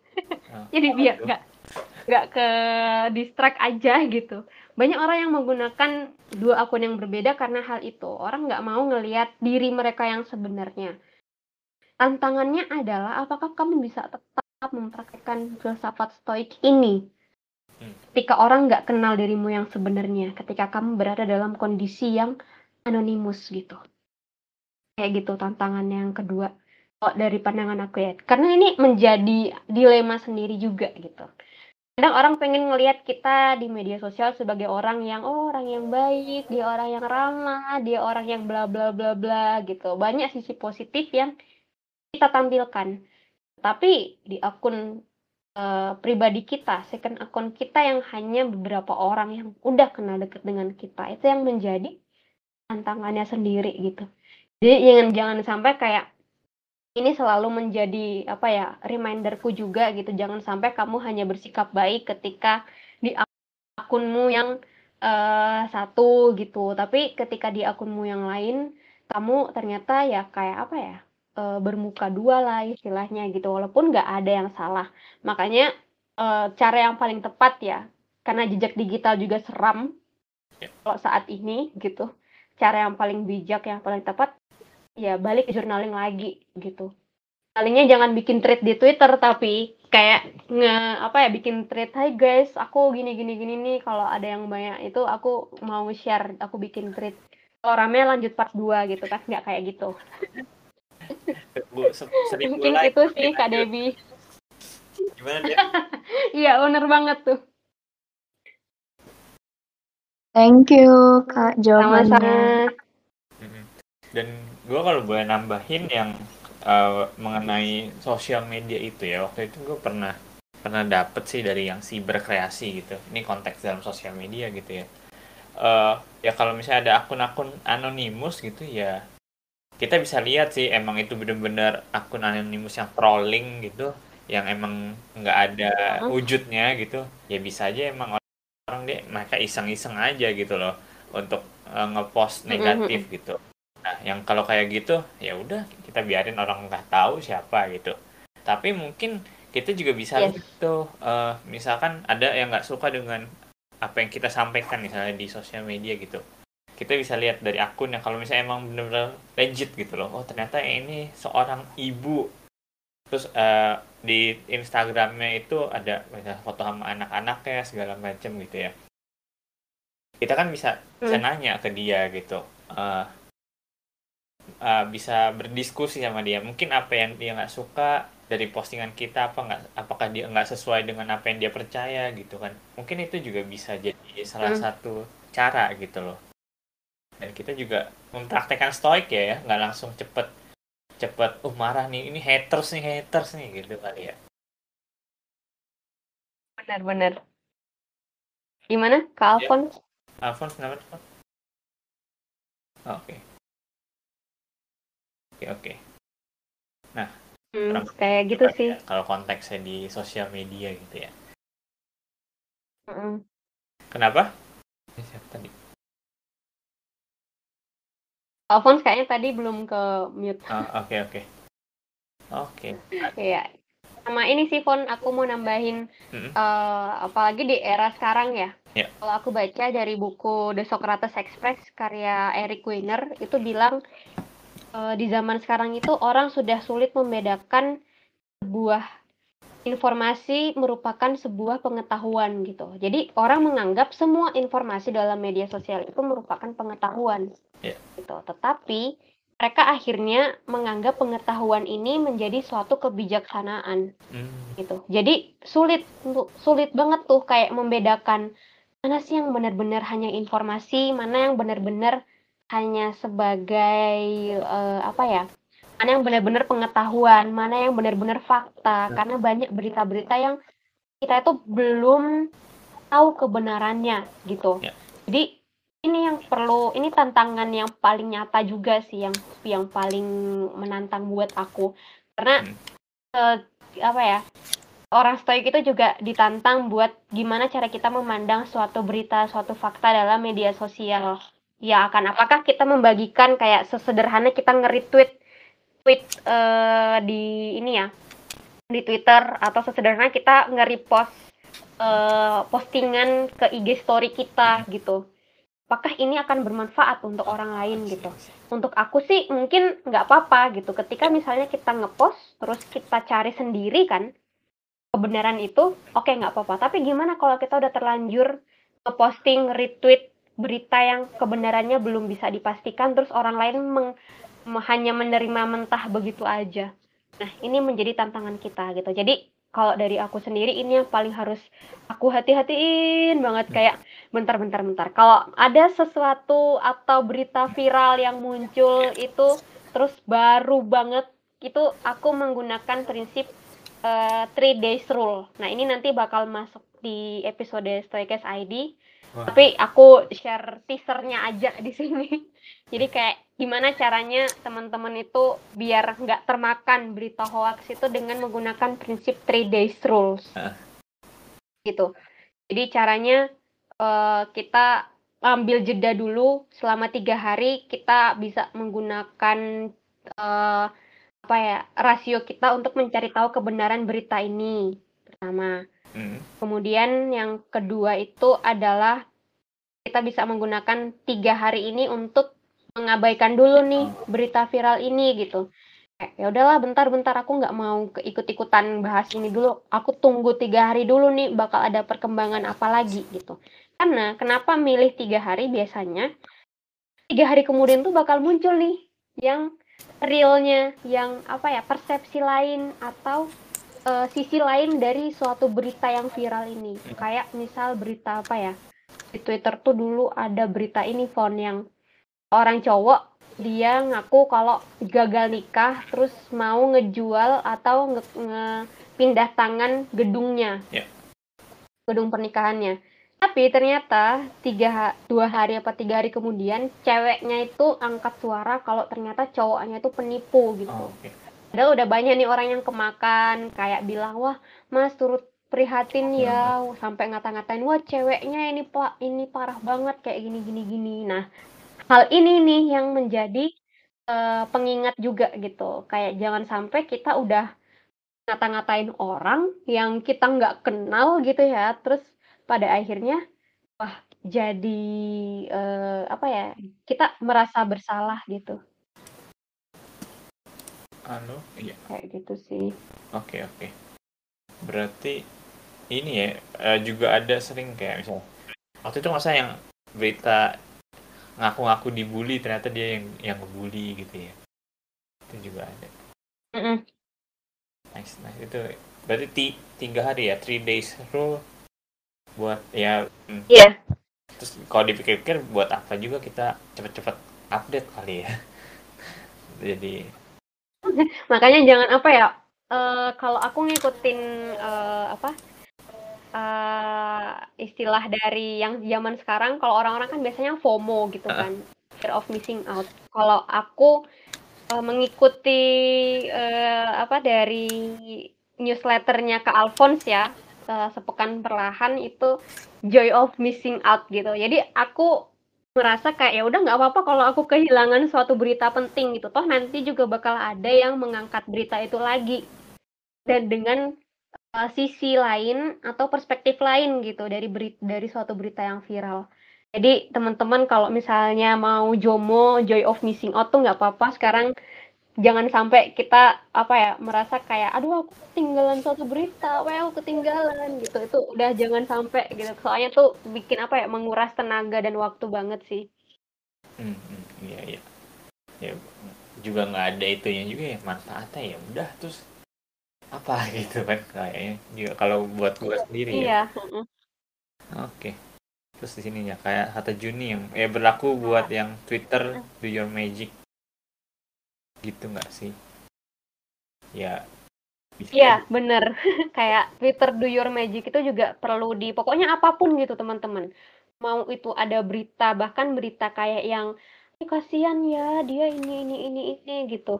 Kita harus bersikap kritis gitu. Ini diperlukannya belajar filsafat itu sebenarnya bersikap kritis itu sendiri teman-teman menggunakan uh, nalar nalar kita, rasio kita gitu. Biar kita nggak kemakan dengan berita-berita yang istilahnya itu kan berita yang kayak apa ya membuat emosi kita terpancing gitu. Emosi kan nggak hanya emosi marah ya, tapi emosi yang kayak apa menunjukkan emosi empati gitu. Terus kayak kita kasihan dengan orang itu terus mau ngebantu. Itu tuh juga perlu kita validasi lagi sebenarnya. Makanya yang kayak Twitter do your magic aku butuh bantuan ini ini ini bla bla bla. Nah itu perlu nih kayak bentar bentar bentar bentar gak apa apa kok teman-teman mengambil jeda terus mencari tahu dengan bersikap kritis ya bersikap kritis tuh beda dengan mengkritik gitu Jadi aku perlu tekankan, beda dengan mengkritik. Bersikap kritis itu kita meragukan dengan cara yang baik ya, dengan cara yang bijak berbagai hal gitu. Kita meragukan tapi dengan uh, niat mencari tahu kebenarannya gitu. Hmm. Jadi kayak eh, hal-hal uh, yang kayak membuat emosi kita terpancing, kita harus cari tahu nih. Entah ini kenapa nih? Kenapa dia bikin tweet Twitter Do Your Magic ini gitu? apa apa benar gitu? Siapa yang bisa aku konfirmasi tentang hal ini tentang peristiwa ini gitu? Makanya makanya itu sih yang perlu ditekankan dari Velika juga ada nih curiga sampai batas apa yang wajar atau bukan curiga mungkin ya ekspresi yang tepat. Uh, curiga dalam arti kayak uh, mencurigai ke arah kebenaran dari suatu ini sih kalau apa ya aku bilangnya dari suatu informasi itu sendiri. Hmm. Itu sih ekspresi yang tepat diskrimen. Apa nih? Bentar. Diskrimen. Diskrimen tuh fact check. Ya, fact check juga bisa. Ya. Tadi kayak uh, ber, apa uh, mengkritisi sih menurut gue sih uh, setuju sih gitu nggak cepet-cepet untuk menyimpulkan ya berarti ya. Iya bener. Nggak cepet-cepet me, apa ya jam into conclusion juga. Kayak oh aku ada Twitter do your magic nih aku harus cepet-cepet nge-retweet atau uh, ngasih donasi gitu-gitu sih. Jadi memang harus di apa ya bersikap kritis dengan mencari tahu gitu. Se apa ya separah apa sih sikap apa ya dia ini gitu big sampai bikin uh, Twitter do your magic gitu separah apa kondisi orang ini kayak gitu. Thinking slow. Ah tantanganku adalah tidak over curiga nah tidak over curiga ini juga bisa jadi ini sih. Batasan curiga tadi ya jadi sebenarnya kalau dibilang batasan curiga yang tepat itu adalah ketika kita menggunakan nalar kita gitu loh. Jadi memang harus dicari tahu gitu sampai mana batasnya sampai kadang sampai kita sendiri yang harus menentukan gitu. Hmm. Kayak apakah memang kalau sudah dirasa sangat menguras waktu, sangat menguras energi, udah stop gitu. Kayak oh ya udah mungkin ini udah di luar kendaliku banget, aku udah nggak bisa lagi nih kayak mencari tahu keadaannya ya udah tenangkan diri tenangkan diri dulu. Terus biarkan kayak uh, nanti mungkin akan ada lagi nih info terbaru atau sesuatu yang bakal muncul nih gitu. Karena biasanya kayak gitu di internet itu tuh berita-berita kayak itu tuh pasti bakal cepet banget kan. Kayak eh ternyata kayak gini nih gitu. Ternyata yang kemarin habis di retweet tuh berita terbarunya kayak gini nih ada update-nya hmm. kayak gitu ya,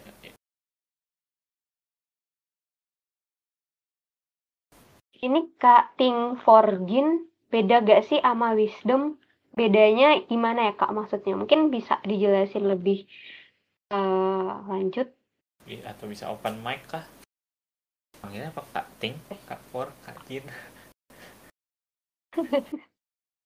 Atau di chat juga nggak apa-apa kalau bisa di di mm -hmm. Bisa dielaborasi pertanyaannya. Ya, tadi kalau yang ngomongin tadi uh, kita perlu critical thinking ya ini ya kan uh, thinking fast thinking slow gitu lah ya kadang perlu mm-hmm. oh. oke okay. udah dengar suara aku belum udah udah uh, aku bilang aku ngetik kayak gitu karena tadi ada bahas soal Arif ya diskrimen bukannya Arif ya kalau diartiin ke Indonesia gimana Oh, discern discernment. Bentar. Yang tadi waktu kita waktu kakaknya ngobrol terus siapa sih Kak Bella ya? Uh -huh. Dis bilang discernment gara-gara uh, kita bahas soal berita-berita itu. Oh iya, discernment. Kenapa pakai kata dis dis discernment daripada wisdom gitu loh. Oh, oh iya. kalau yang apa? Ini boleh aku jawab? Boleh, boleh, boleh. Boleh, boleh banget. Silakan. Iya, kalau selama ini aku pakainya discernment karena uh, belajarnya itu discernment tuh ya mirip fa- fact check gitu. Jadi apakah ini relate ke gue atau apakah ini membawa dampak ke aku kayak gitu-gitu. Oh, Oke.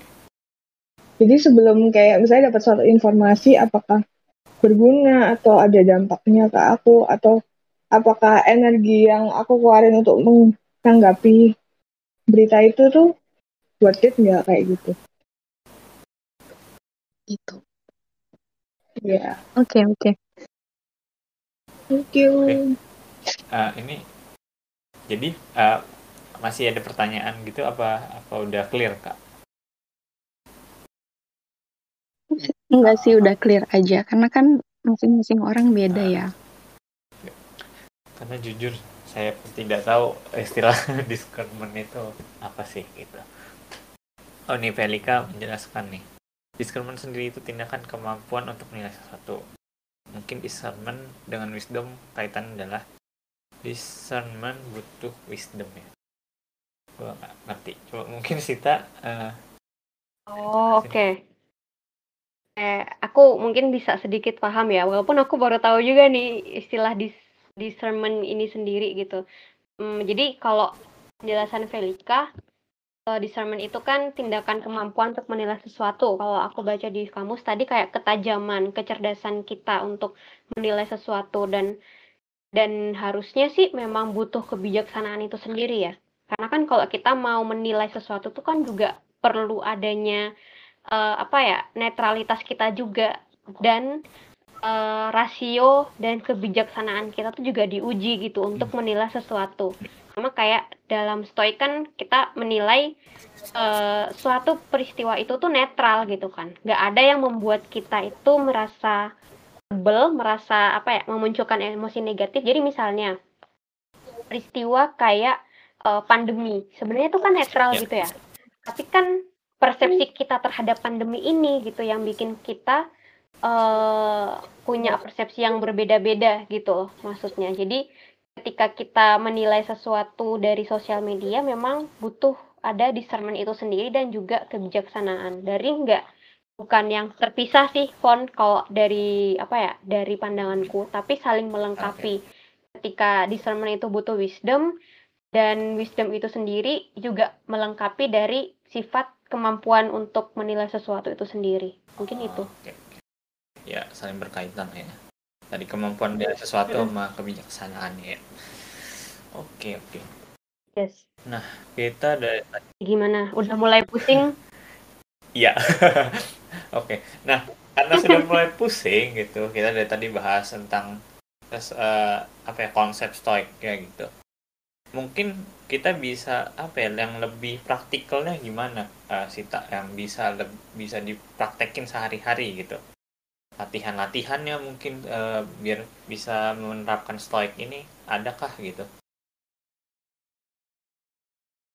Kalau latihan sehari-harinya sih biasa kalau aku langsung ku praktekin ya. Bisa dari buku eh filosofi teras misal teman-teman mungkin baru punya buku filosofi teras. Nah, itu bisa dibaca terus dipahami dulu kayak eh, misal prinsip dikotomi kendali. Nah, mungkin aku belum ngejelasin tentang prinsip dari stoik itu sendiri. Nah, nanti aku akan seiring berjalannya waktu aku akan ngejelasin ini ya dikit-dikit. Jadi untuk menerapkan atau mempraktekkan stoik itu sendiri memang eh, nggak nggak bisa hanya cuma dengan membaca buku gitu teman-teman. Kalau dari aku memang harus ada komitmen bahwa oh iya aku mempraktekkan filsafat stoik ini gitu dengan cara eh, mendalaminya. Kayak pertama prinsip dikotomi kendali gitu kan kita harus tahu mana eh, yang menjadi atau berada dalam hmm, apa ya istilahnya kendali kita gitu. Mana yang berada di luar kendali kita. Mungkin bisa nih di list dulu apa yang berada dalam kendaliku. Pastinya ya pikiranku, persepsiku, tindakanku, apa ya kayak terus eh, apa namanya responku terhadap orang lain, terhadap suatu peristiwa itu kan berada dalam kendaliku. Kalau misalnya hal-hal yang berada di luar kendaliku itu apa aja gitu. Bisa di list juga kayak oh ternyata harga saham itu terus uh, situasi dunia ini gitu. Kayak perang kan kayak itu kayak di luar kendali kita gitu. Terus uh, apalagi ya persepsi orang lain tindakan orang lain pikiran orang lain kayak gitu. Jadi perlahan-lahan tuh kita mulai bisa kayak uh, mempraktekannya seiring dengan berjalannya waktu gitu. Kayak misal kita soalnya kalau misalnya sudah mulai berkomitmen gitu ya, yeah. Fon itu pasti bakal ada aja yang menjadi ujian kita sebagai seorang prokopton gitu. Soalnya aku merasakannya gitu. Kayak misal kemarin pernah pas pas banget baru ada yang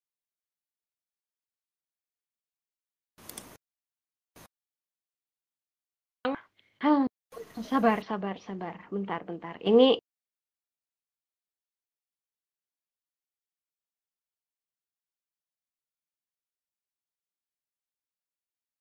sebenarnya itu bukan hal yang perlu aku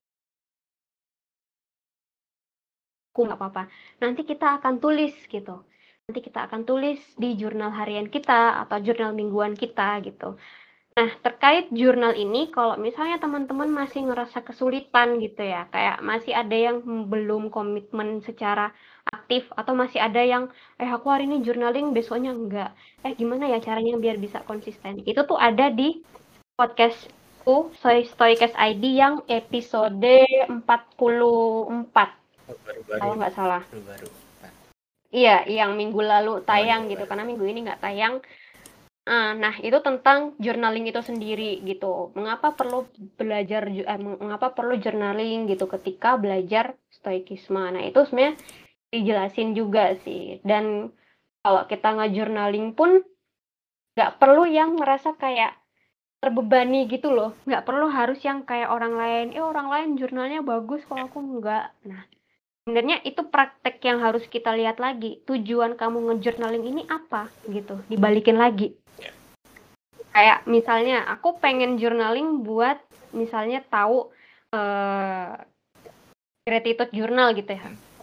Kebersyukuranku hari ini apa yang harus aku syukuri?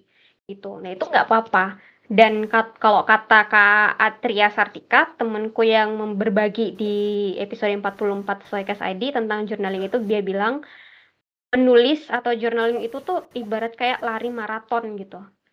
Jadi nggak apa-apa kalau misalnya kita berhenti sebentar buat istirahat, terus kita lanjut lagi gitu. Bahkan menulis pun, journaling pun itu bukan sesuatu yang harus kita mulai dari nol. Aku ingat banget kalau kata Devon yang pas tentang apa ya uh, menulis gitu ya yang di apa event waktu itu pernah kita aku ikutin kayak menulis itu pun nggak harus kita mulai dari nol bisa dari prom-prom yang ada kayak sering kan di Discord ini kayak apa yang kamu syukuri hari ini. Nah itu tuh bisa jadi prom yang baik sebenarnya untuk memulai journaling gitu. Emang bisa kalau journaling tentang gratitude journal terus kita sambungin ke uh, apa journaling tentang stoikisme. Bisa aja. Nggak ada yang salah teman-teman kalau mau journaling. Karena uh, standarnya itu balik lagi ke tujuan kita. Tujuan kita tuh mau apa? Itu sih kalau kataku. Dan apalagi ya kalau yang dipraktekkan sebenarnya itu itu dia sih. Nggak ada yang harus gimana gimana gitu yang penting komitmen aja. Dan kalau misalnya teman-teman ngerasa kayak aku nggak cocok ya dengan stoikisme ini. Aku kok belum merasakan kayak ini tuh sesuatu yang wajib. Nggak apa-apa gitu. Jadi bahkan dalam stoikisme itu kan banyak banget ya kayak prinsip-prinsipnya gitu. Teman-teman nggak setuju dengan satu prinsip pun nggak apa-apa. Mau ngikutin satu atau dua prinsip doang pun nggak apa-apa gitu. Tapi memang pada akhirnya aku mengikuti semuanya gitu. Bakal keikut. Karena antara prinsip yang satu dengan yang lainnya itu ada keterikatannya, ada keterkaitannya gitu, saling berkaitan satu sama lain. Kayak kalau kita ngomongin melatih persepsi gitu ya. Nah, melatih persepsi itu kan ada kaitannya dengan dikotomi kendali. Kayak persepsi kita kayak menghindari persepsi otomatis gitu. Ketemu kita ketemu orang. Kata temanku sih dia orangnya uh, ini ya, suka ngegosip gitu. Dia orangnya sangat cerewet. Padahal sebenarnya orangnya itu memang talkatif banget gitu. Dia suka ngobrol tentang hal-hal yang dia ketahui. Jadi ini yang perlu kita latih gitu, melakukan persepsi uh, dari mengubah persepsi otomatis menjadi persepsi manual yang bisa kita kendalikan gitu. Biar kita nggak apa-apa itu langsung menjudge orang atau menjudge suatu keadaan kayak gitu. Terus ngomongin prinsip-prinsipnya yang lain itu kayak uh, negative visualization atau premedit premeditatio malorum itu kan juga penting banget kalau dari Marcus Aurelius salah satu oh, filsuf dari empat filsuf utama Stoik. Mungkin aku belum jelasin. Jadi empat filsuf utama Stoik itu ada Zeno, kemudian Seneca, kemudian Epictetus, dan juga uh, Marcus Aurelius gitu. Jadi empat orang ini yang paling berpengaruh.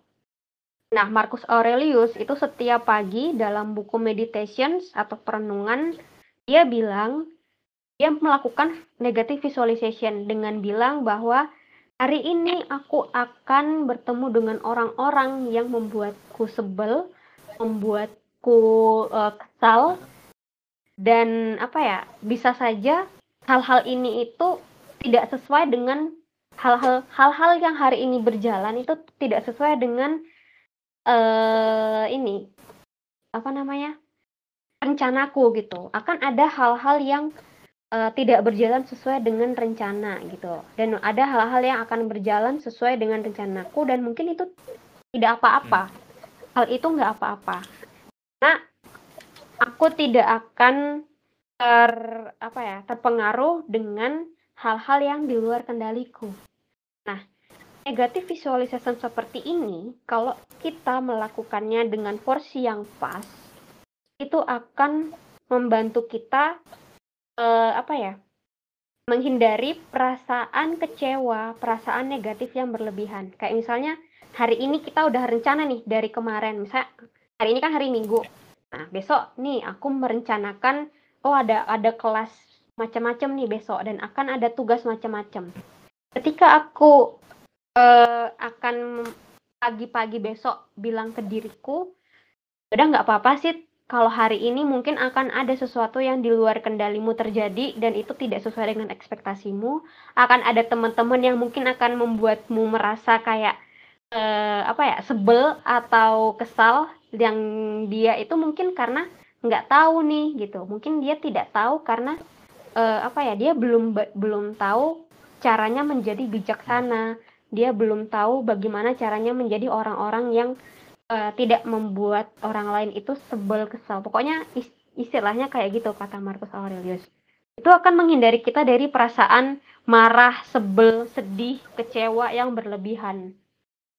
Ketika hal itu memang akhirnya terjadi kayak ya udah ya, aku ternyata belum bisa memahami mata kuliahku hari ini gitu. Kita nggak akan merasa kayak sebel banget kayak, ih gila sih kok aku udah belajar tapi kok aku belum bisa paham gitu ya Nah, kita nggak akan merasa seperti itu. Jadi kita bisa paham mungkin oh ya udah aku belum bisa paham gimana ya caranya gitu. Akan ada sesuatu yang membuat kita itu tahu batasannya gitu dengan negatif visualization itu sendiri. Itu sih. Kalau misalnya teman-teman nah, kalau misalnya nih negatif visualization tapi kok aku malah jadi kayak overthinking mulu ya. Ya, itu mungkin ada faktor lain gitu karena orang-orang yang mempelajari stoik kalau misalnya masih ada uh, apa ya hmm, apa istilahnya uh, terkait personality orang itu yang dia itu gampang banget uh, punya kecenderungan untuk uh, istilahnya dan apa ya high, highly sensitive person gitu jadi orang-orang yang punya sensitivitas yang sangat tinggi dan dia suka menyerap energi-energi dari sekitarnya dan itu tuh perlu memang butuh bantuan profesional. Kayak aku. Aku orang yang highly sensitive person. Jadi ketika aku mempelajari stoikisme, aku sudah tahu batasanku itu karena aku sudah menjalani berbagai macam terapi. Nah, ini yang membuat ada perbedaan batasan-batasan itu gitu. Orang lain melihat, wah aku nggak bisa ya. Jadi mungkin harus perlu lagi nih ditarik ke belakang lagi nih dengan dirimu sendiri gitu karena mempelajari stoikisme itu bukan sesuatu hal yang mudah juga gitu memang nggak nggak untuk semua orang juga kalau dari Juni bilang prepare for the worst sama overthinking tuh gimana di manage-nya ya kak? Nah, ini benar banget nih pertanyaan yang menarik. Prepare for the worst sama overthinking. Kalau aku, uh, caranya prepare for the worst dengan overthinking. Yang pertama, prepare for the worst itu kita niatnya jangan langsung ke prepare for the worst-nya dulu nih tapi berusaha yang sebaik mungkin nih kita prepare buat mencapai sesuatu hal yang ingin kita capai gitu itu dulu jangan langsung eh ntar kalau gagal gimana ya? Nggak nggak nggak cara nggak kayak gitu caranya kalau dari sudut pandangku. Nggak tahu kalau teman-teman yang lain. Jadi prepare for worst. Aku melakukan hal yang terbaik dulu nih dari sesuatu yang bisa aku uh, lakukan sesuai dengan kemampuanku gitu. Ketika misalnya aku sudah membuat perencanaan tek tek tek ini yang aku harus lakukan, misal, oh iya aku sudah aku sudah membuat perencanaan yang sangat matang, aku berusaha sebaik mungkin melakukan atau e, mengikuti rencanaku, maka selanjutnya kalau misalnya aku mulai apa ya ada prepare for the worst-nya, maka aku akan tulis nih.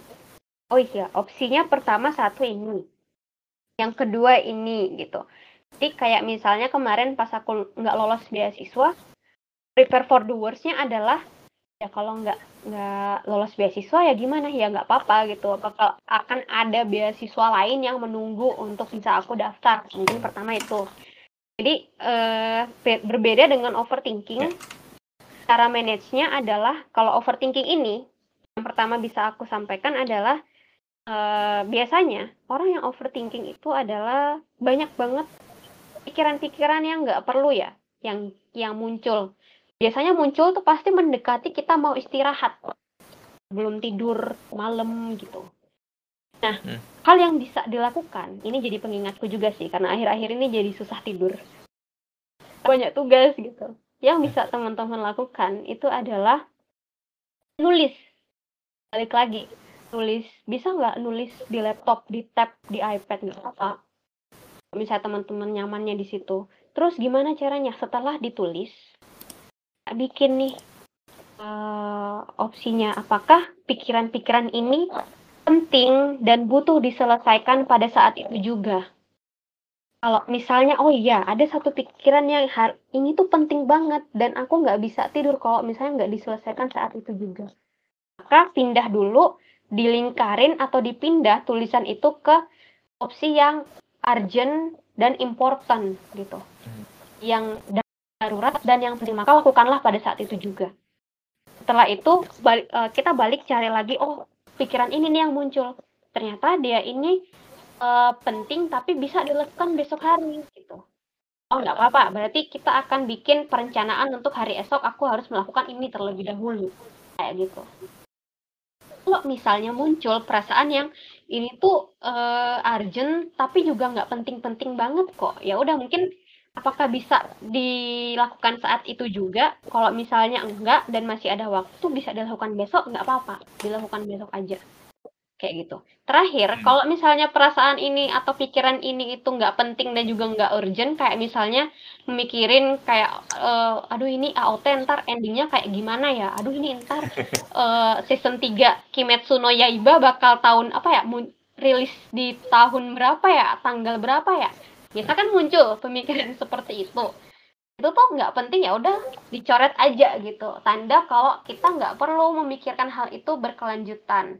Setelah itu baru teman-teman bisa memanage atau menggunakan catatan itu dengan baik dan bisa apa ya mengurangi overthinkingnya sih. Kalau aku seperti itu. Itu tips dari psikologku juga kok mungkin bisa digunakan ya. Karena menurutku masih umum banget. Oke oke. Thank you Stan gue kepikiran kalau kepikiran nasib warga Marley juga ya ngapain juga ya? Oke. Okay.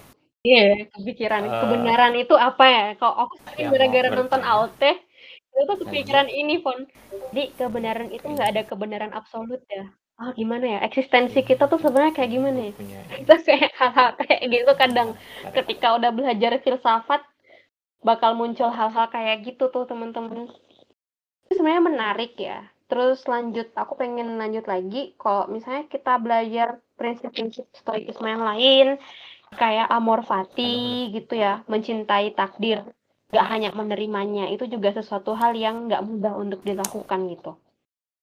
Apalagi kalau misalnya kita bilang menerima takdir pahit, kak, ya banyak lah ya, banyak orang yang merasakan kehilangan selama pandemi ini. Dan kita, dan aku juga nggak nggak yang menuntut, ya kamu terima aja, cintai aja takdir itu, enggak kan ada proses yang harus dilalui orang lain gitu dan kita nggak bisa memaksa standar kita, standarku dalam mempelajari stoikisme kepada orang lain gitu. Bahkan orang-orang yang juga yang sama-sama mempelajari stoikisme, mempraktekkan stoikisme ini, ketika dipaksa untuk mencintai takdirnya itu juga bukan sesuatu hal yang bijak gitu. Karena kan dalam stoik tidak ada pemaksaan di situ untuk harus uh, melakukan atau mempraktekkan semua prinsip-prinsipnya. Karena kan ya kita harus bersifat adil dan bijaksana itu ya dan juga menahan diri. Kalau misalnya kita memaksa ya itu kan bukan tidak sesuai dengan empat kebijakan tadi ya. Kita kan nggak bisa menahan diri untuk apa ya memaksa orang lain gitu loh. Paham gak sih bahasaku? Semoga bisa dipahami. Ya. Kalau nggak ada yang itu bisa ditanyain aja teman-teman. Oke, okay. thank you Sita mungkin ada teman-teman yang mau okay. tanya lebih lanjut ya kita udah lumayan banyak uh -huh. soalnya nih udah lumayan me, ini ya keseluruhannya ya yang mau dibahas hari ini ya Sita ya iya betul. Jadi dia kalau dia mau nanya lagi silakan open mic. Atau ngechat juga nggak apa-apa teman-teman. Siapa siapa? Ada lagi ada lagi. Ah. Oh ada. Kita masih menunggu. Kalau ada yang masih bingung kayaknya sih bingung sih. Gue pun juga bingung. Nah, tapi nggak apa-apa kan kita nggak apa-apa nggak apa-apa. Prokomton ya belajar terus. Berprogres iya. Yeah. gitu. Jadi silakan silakan nanya nah. Mungkin sebelum sambil kita nungguin nanya gitu. Oh nih ada nanya nih. Cutting for Jin lagi. Mencintai takdir sama menerima apakah beda? Menerima atau ikhlas apakah beda gimana sih itu? Ya, pertanyaan yang bagus ya. Hmm. menarik nih.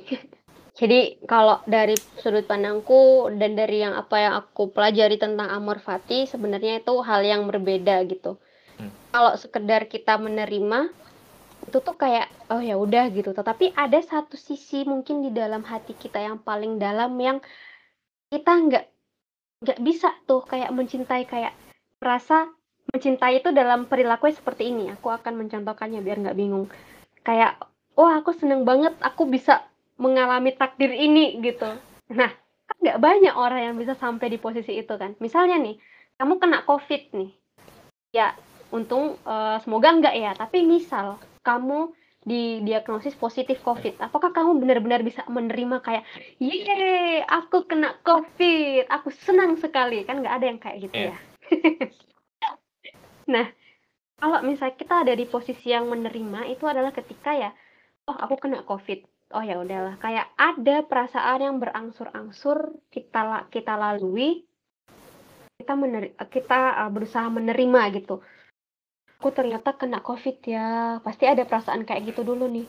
Wah ini ntar gimana ya? Aduh ntar apakah aku bisa ya nanti? Gitu apa bisa isoman sendiri nggak? Ya ntar. Apalagi aku nih anak rantau gitu misalnya yang merantau terus kena covid gitu ya kan pasti nggak enak. Mm-hmm. tapi ketika kita bisa mencintai takdir itu yang kayak tadi itu mungkin kita nggak akan se excited itu ya nggak akan se ekstrim itu ya. Tapi ketika mencintai takdir adalah ketika kita bisa kayak oh kena covid nih. Oh ya udah alhamdulillah nggak apa-apa. Berarti aku masih banyak hal-hal lain yang bisa aku lakukan. Karena aku kena covid aku nggak bisa keluar ya udah otomatis aku bisa maraton nonton anime mungkin atau nonton drakor gitu.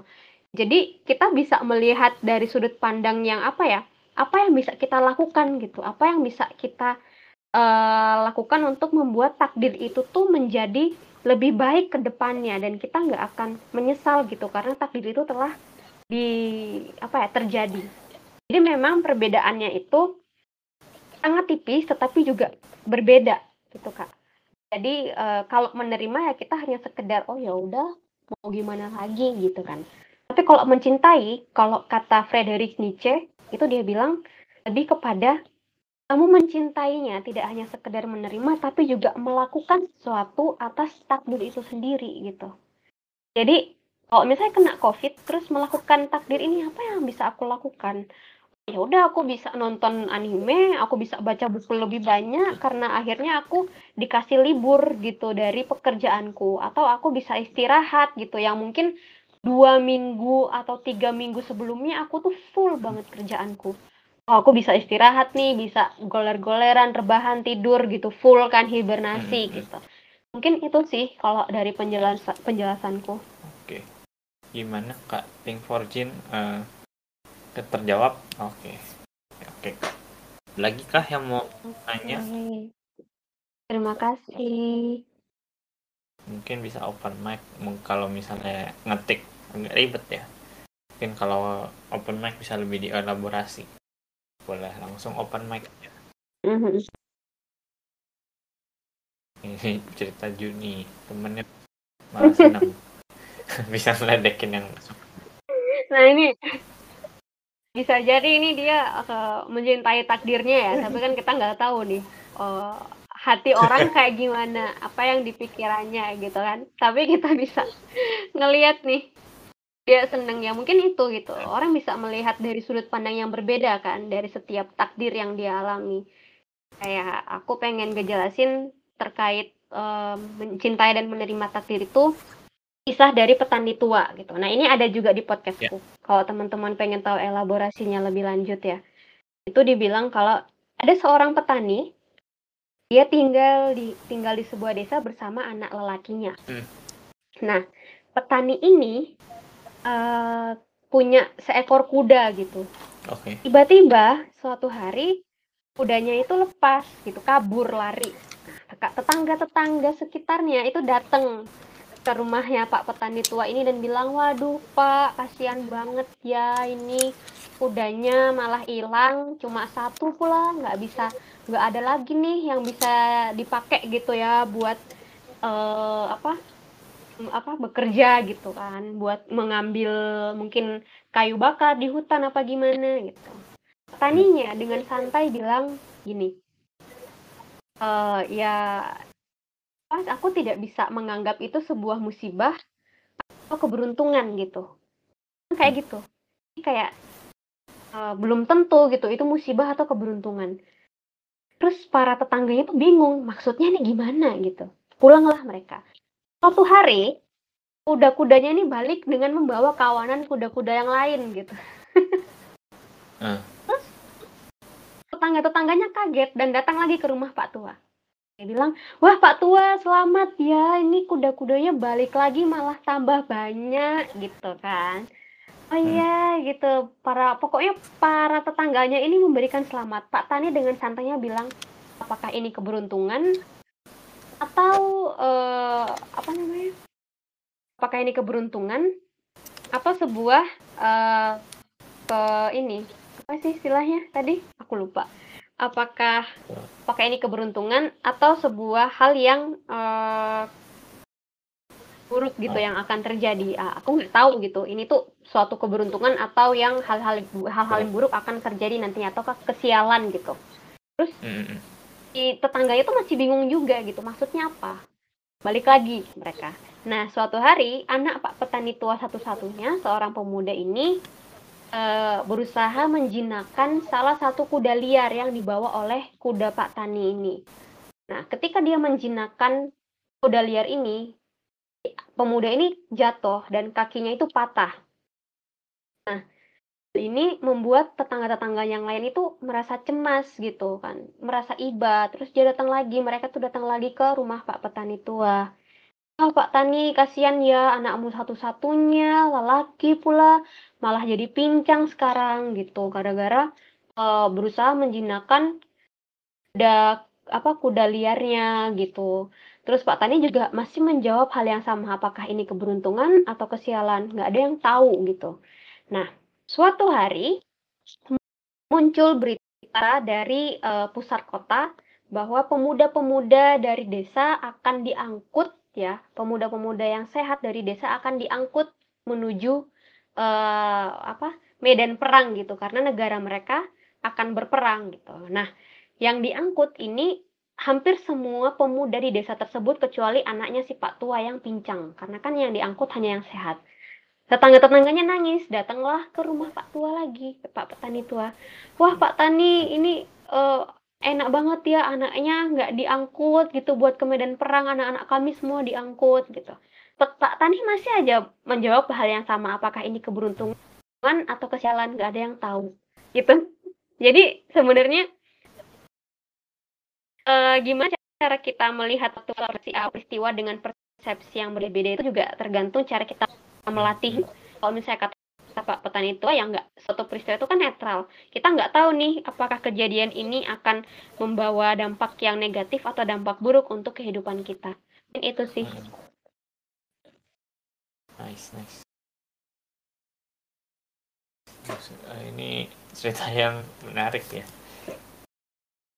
Saya dengar juga di eh, Sita udah pernah ceritain juga kan ya di podcast. Ya mungkin kalau mau dengerin lagi udah pernah cerita yeah. di episode 19 ini ada. Oke, nanti bisa cek lagi di Stoicast gitu. Oke, teman-teman, adakah yang mau bertanya lagi? Itu. Nah, kalau misal belum ada karena kayak koneksi gue juga agak-agak ini kita mungkin bentar lagi akan akhirin. Sebelum mengakhiri uh, sesi kali ini, mm-hmm. mungkin ada teman-teman yang setelah dengar ini mau belajar lebih lanjut uh, tentang filsafat stoa, filsafat stoik ini, bisa uh, gimana cara bisa belajarnya gimana sih kak? Mungkin dari buku atau dengerin podcast atau gimana? Kalau dari aku sih bisa baca buku dulu ya. Baca buku kayak karya-karya dari filsuf yang memang uh, asli filsuf stoik itu sendiri gitu. Kayak karya Marcus Aurelius itu ada Meditations kemudian Epictetus. Epictetus yang seorang budak tetapi dia juga uh, apa mempelajari stoikisme itu sendiri gitu ya. Discourse itu bukunya tuh banyak dari Epictetus tentang diskurs itu sendiri. Dan ada kayaknya yang free kok gitu. Dan harganya sebenarnya murah kalau beli di Google Play Books kalau yang bahasa Inggrisnya hmm. ya. Kayaknya kalau bahasa Indonesia takut ada terjemahan yang kurang hmm. sesuai gitu. Ada yang sulit dipahami yeah. mungkin. Kemudian buku dari uh, ini sih Seneca itu juga banyak. Yang On the Shortness of Life itu juga bagus banget. Terus buku-buku dari uh, yang zaman sekarang itu dari Rian Holiday itu juga ada yang apa obstacle is the way ego is the enemy itu juga ada. Terus masih mau Pigliucci itu banyak banget kok teman-teman cari tahu. Para uh, filsuf stoik yang zaman sekarang itu mulai mengembang atau apa ya menuliskan kembali hmm. gitu ya aliran ajaran stoikisme ini. Itu ada Robert apa ya kemarin namanya masih mau Piclusi terus uh, banyak sih. Aku lupa beberapa gitu. Tapi kalau misalnya cari kayak the apa Wisdoms of the Stoic itu tuh banyak banget di Google Playbooks dan di toko-toko buku terdekat. Ada juga yang udah menerjemahkannya ke bahasa Indonesia gitu tuh juga ada. Terus di Hmm, ini sih The Daily Stoic itu juga bagus terkait 365 hari meditations di stoikisme. Terus podcastku Stoikes ID mungkin juga bisa jadi referensi kayak yang mungkin lebih dekat ke kehidupan sehari-hari gitu ya karena aku nggak membicarakan terkait filsafat ini itu seperti apa tetapi gimana mempraktekannya gitu dalam podcast seperti itu terus apalagi ya untuk mempelajari ini tuh bisa baca buku terkait filsafat yang lain. Kayak buku dari The Socrates Express Eric Weiner. Itu bagus banget sih menurutku. Itu juga relate bisa dibaca juga. Walaupun nggak semuanya tuh filsuf dan buku ini Viktor Frankl and Search for hmm. Meaning.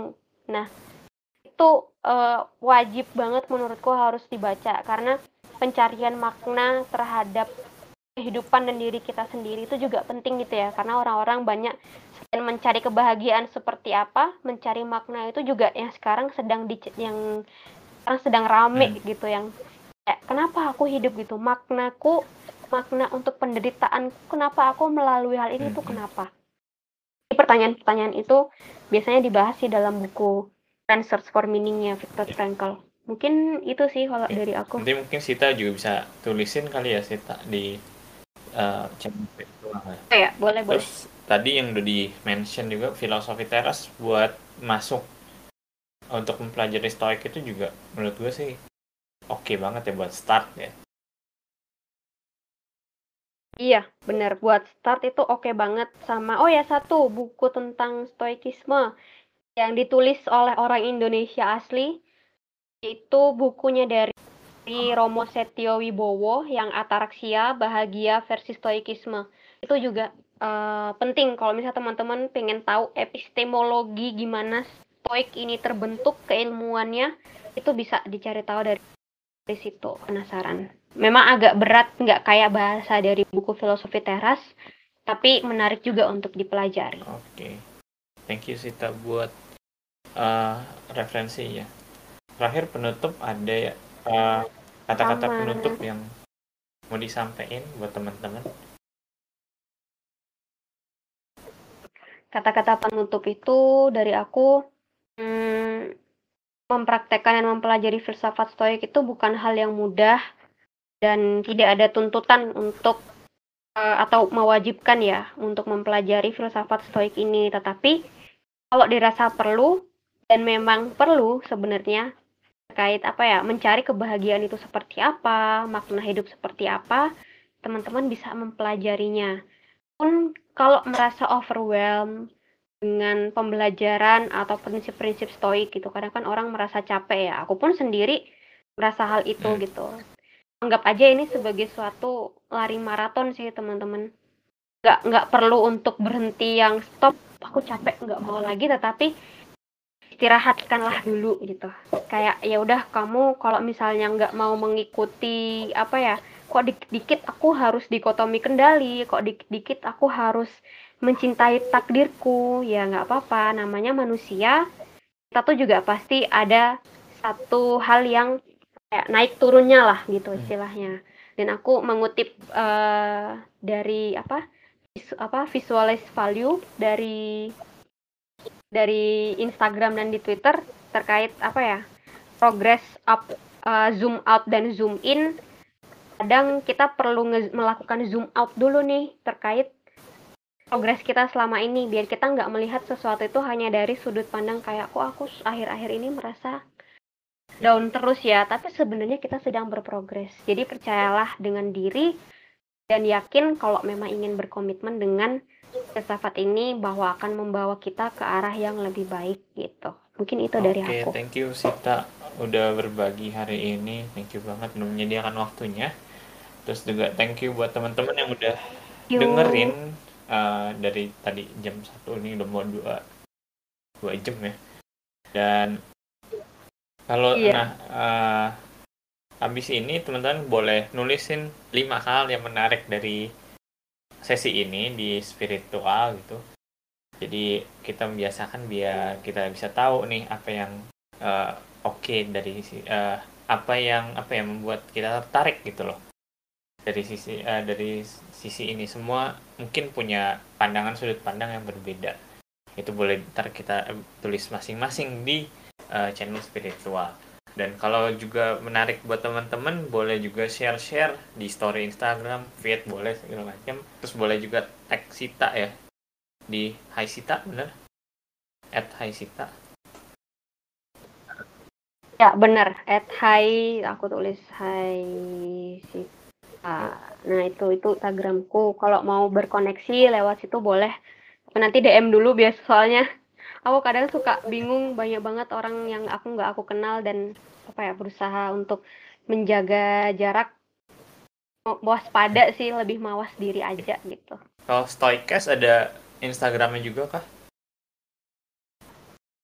Nah, kalau Stoicast uh, belum ada gitu. Aku tidak ada waktu untuk mengurus dua IG dan uh, apa ya sangat uh, consuming time juga. Jadi semuanya ter apa ya terpusat di akun Instagramku ya, aja. Atau follow-nya follow Spotify-nya aja ya kalau mau biar dapet. Ya, follow Spotify-nya aja. Oke. Dan juga ada tag kita tag growth space ID juga .id biar bisa kita repost repost nanti juga di share kalau gitu sesi kubis kupas habis filsafat stoik bareng Sita Putri hari ini sampai sini dulu. Thank you semuanya sekali lagi yang udah dengerin. Jadi selamat beristirahat goodbye and good night. Bye bye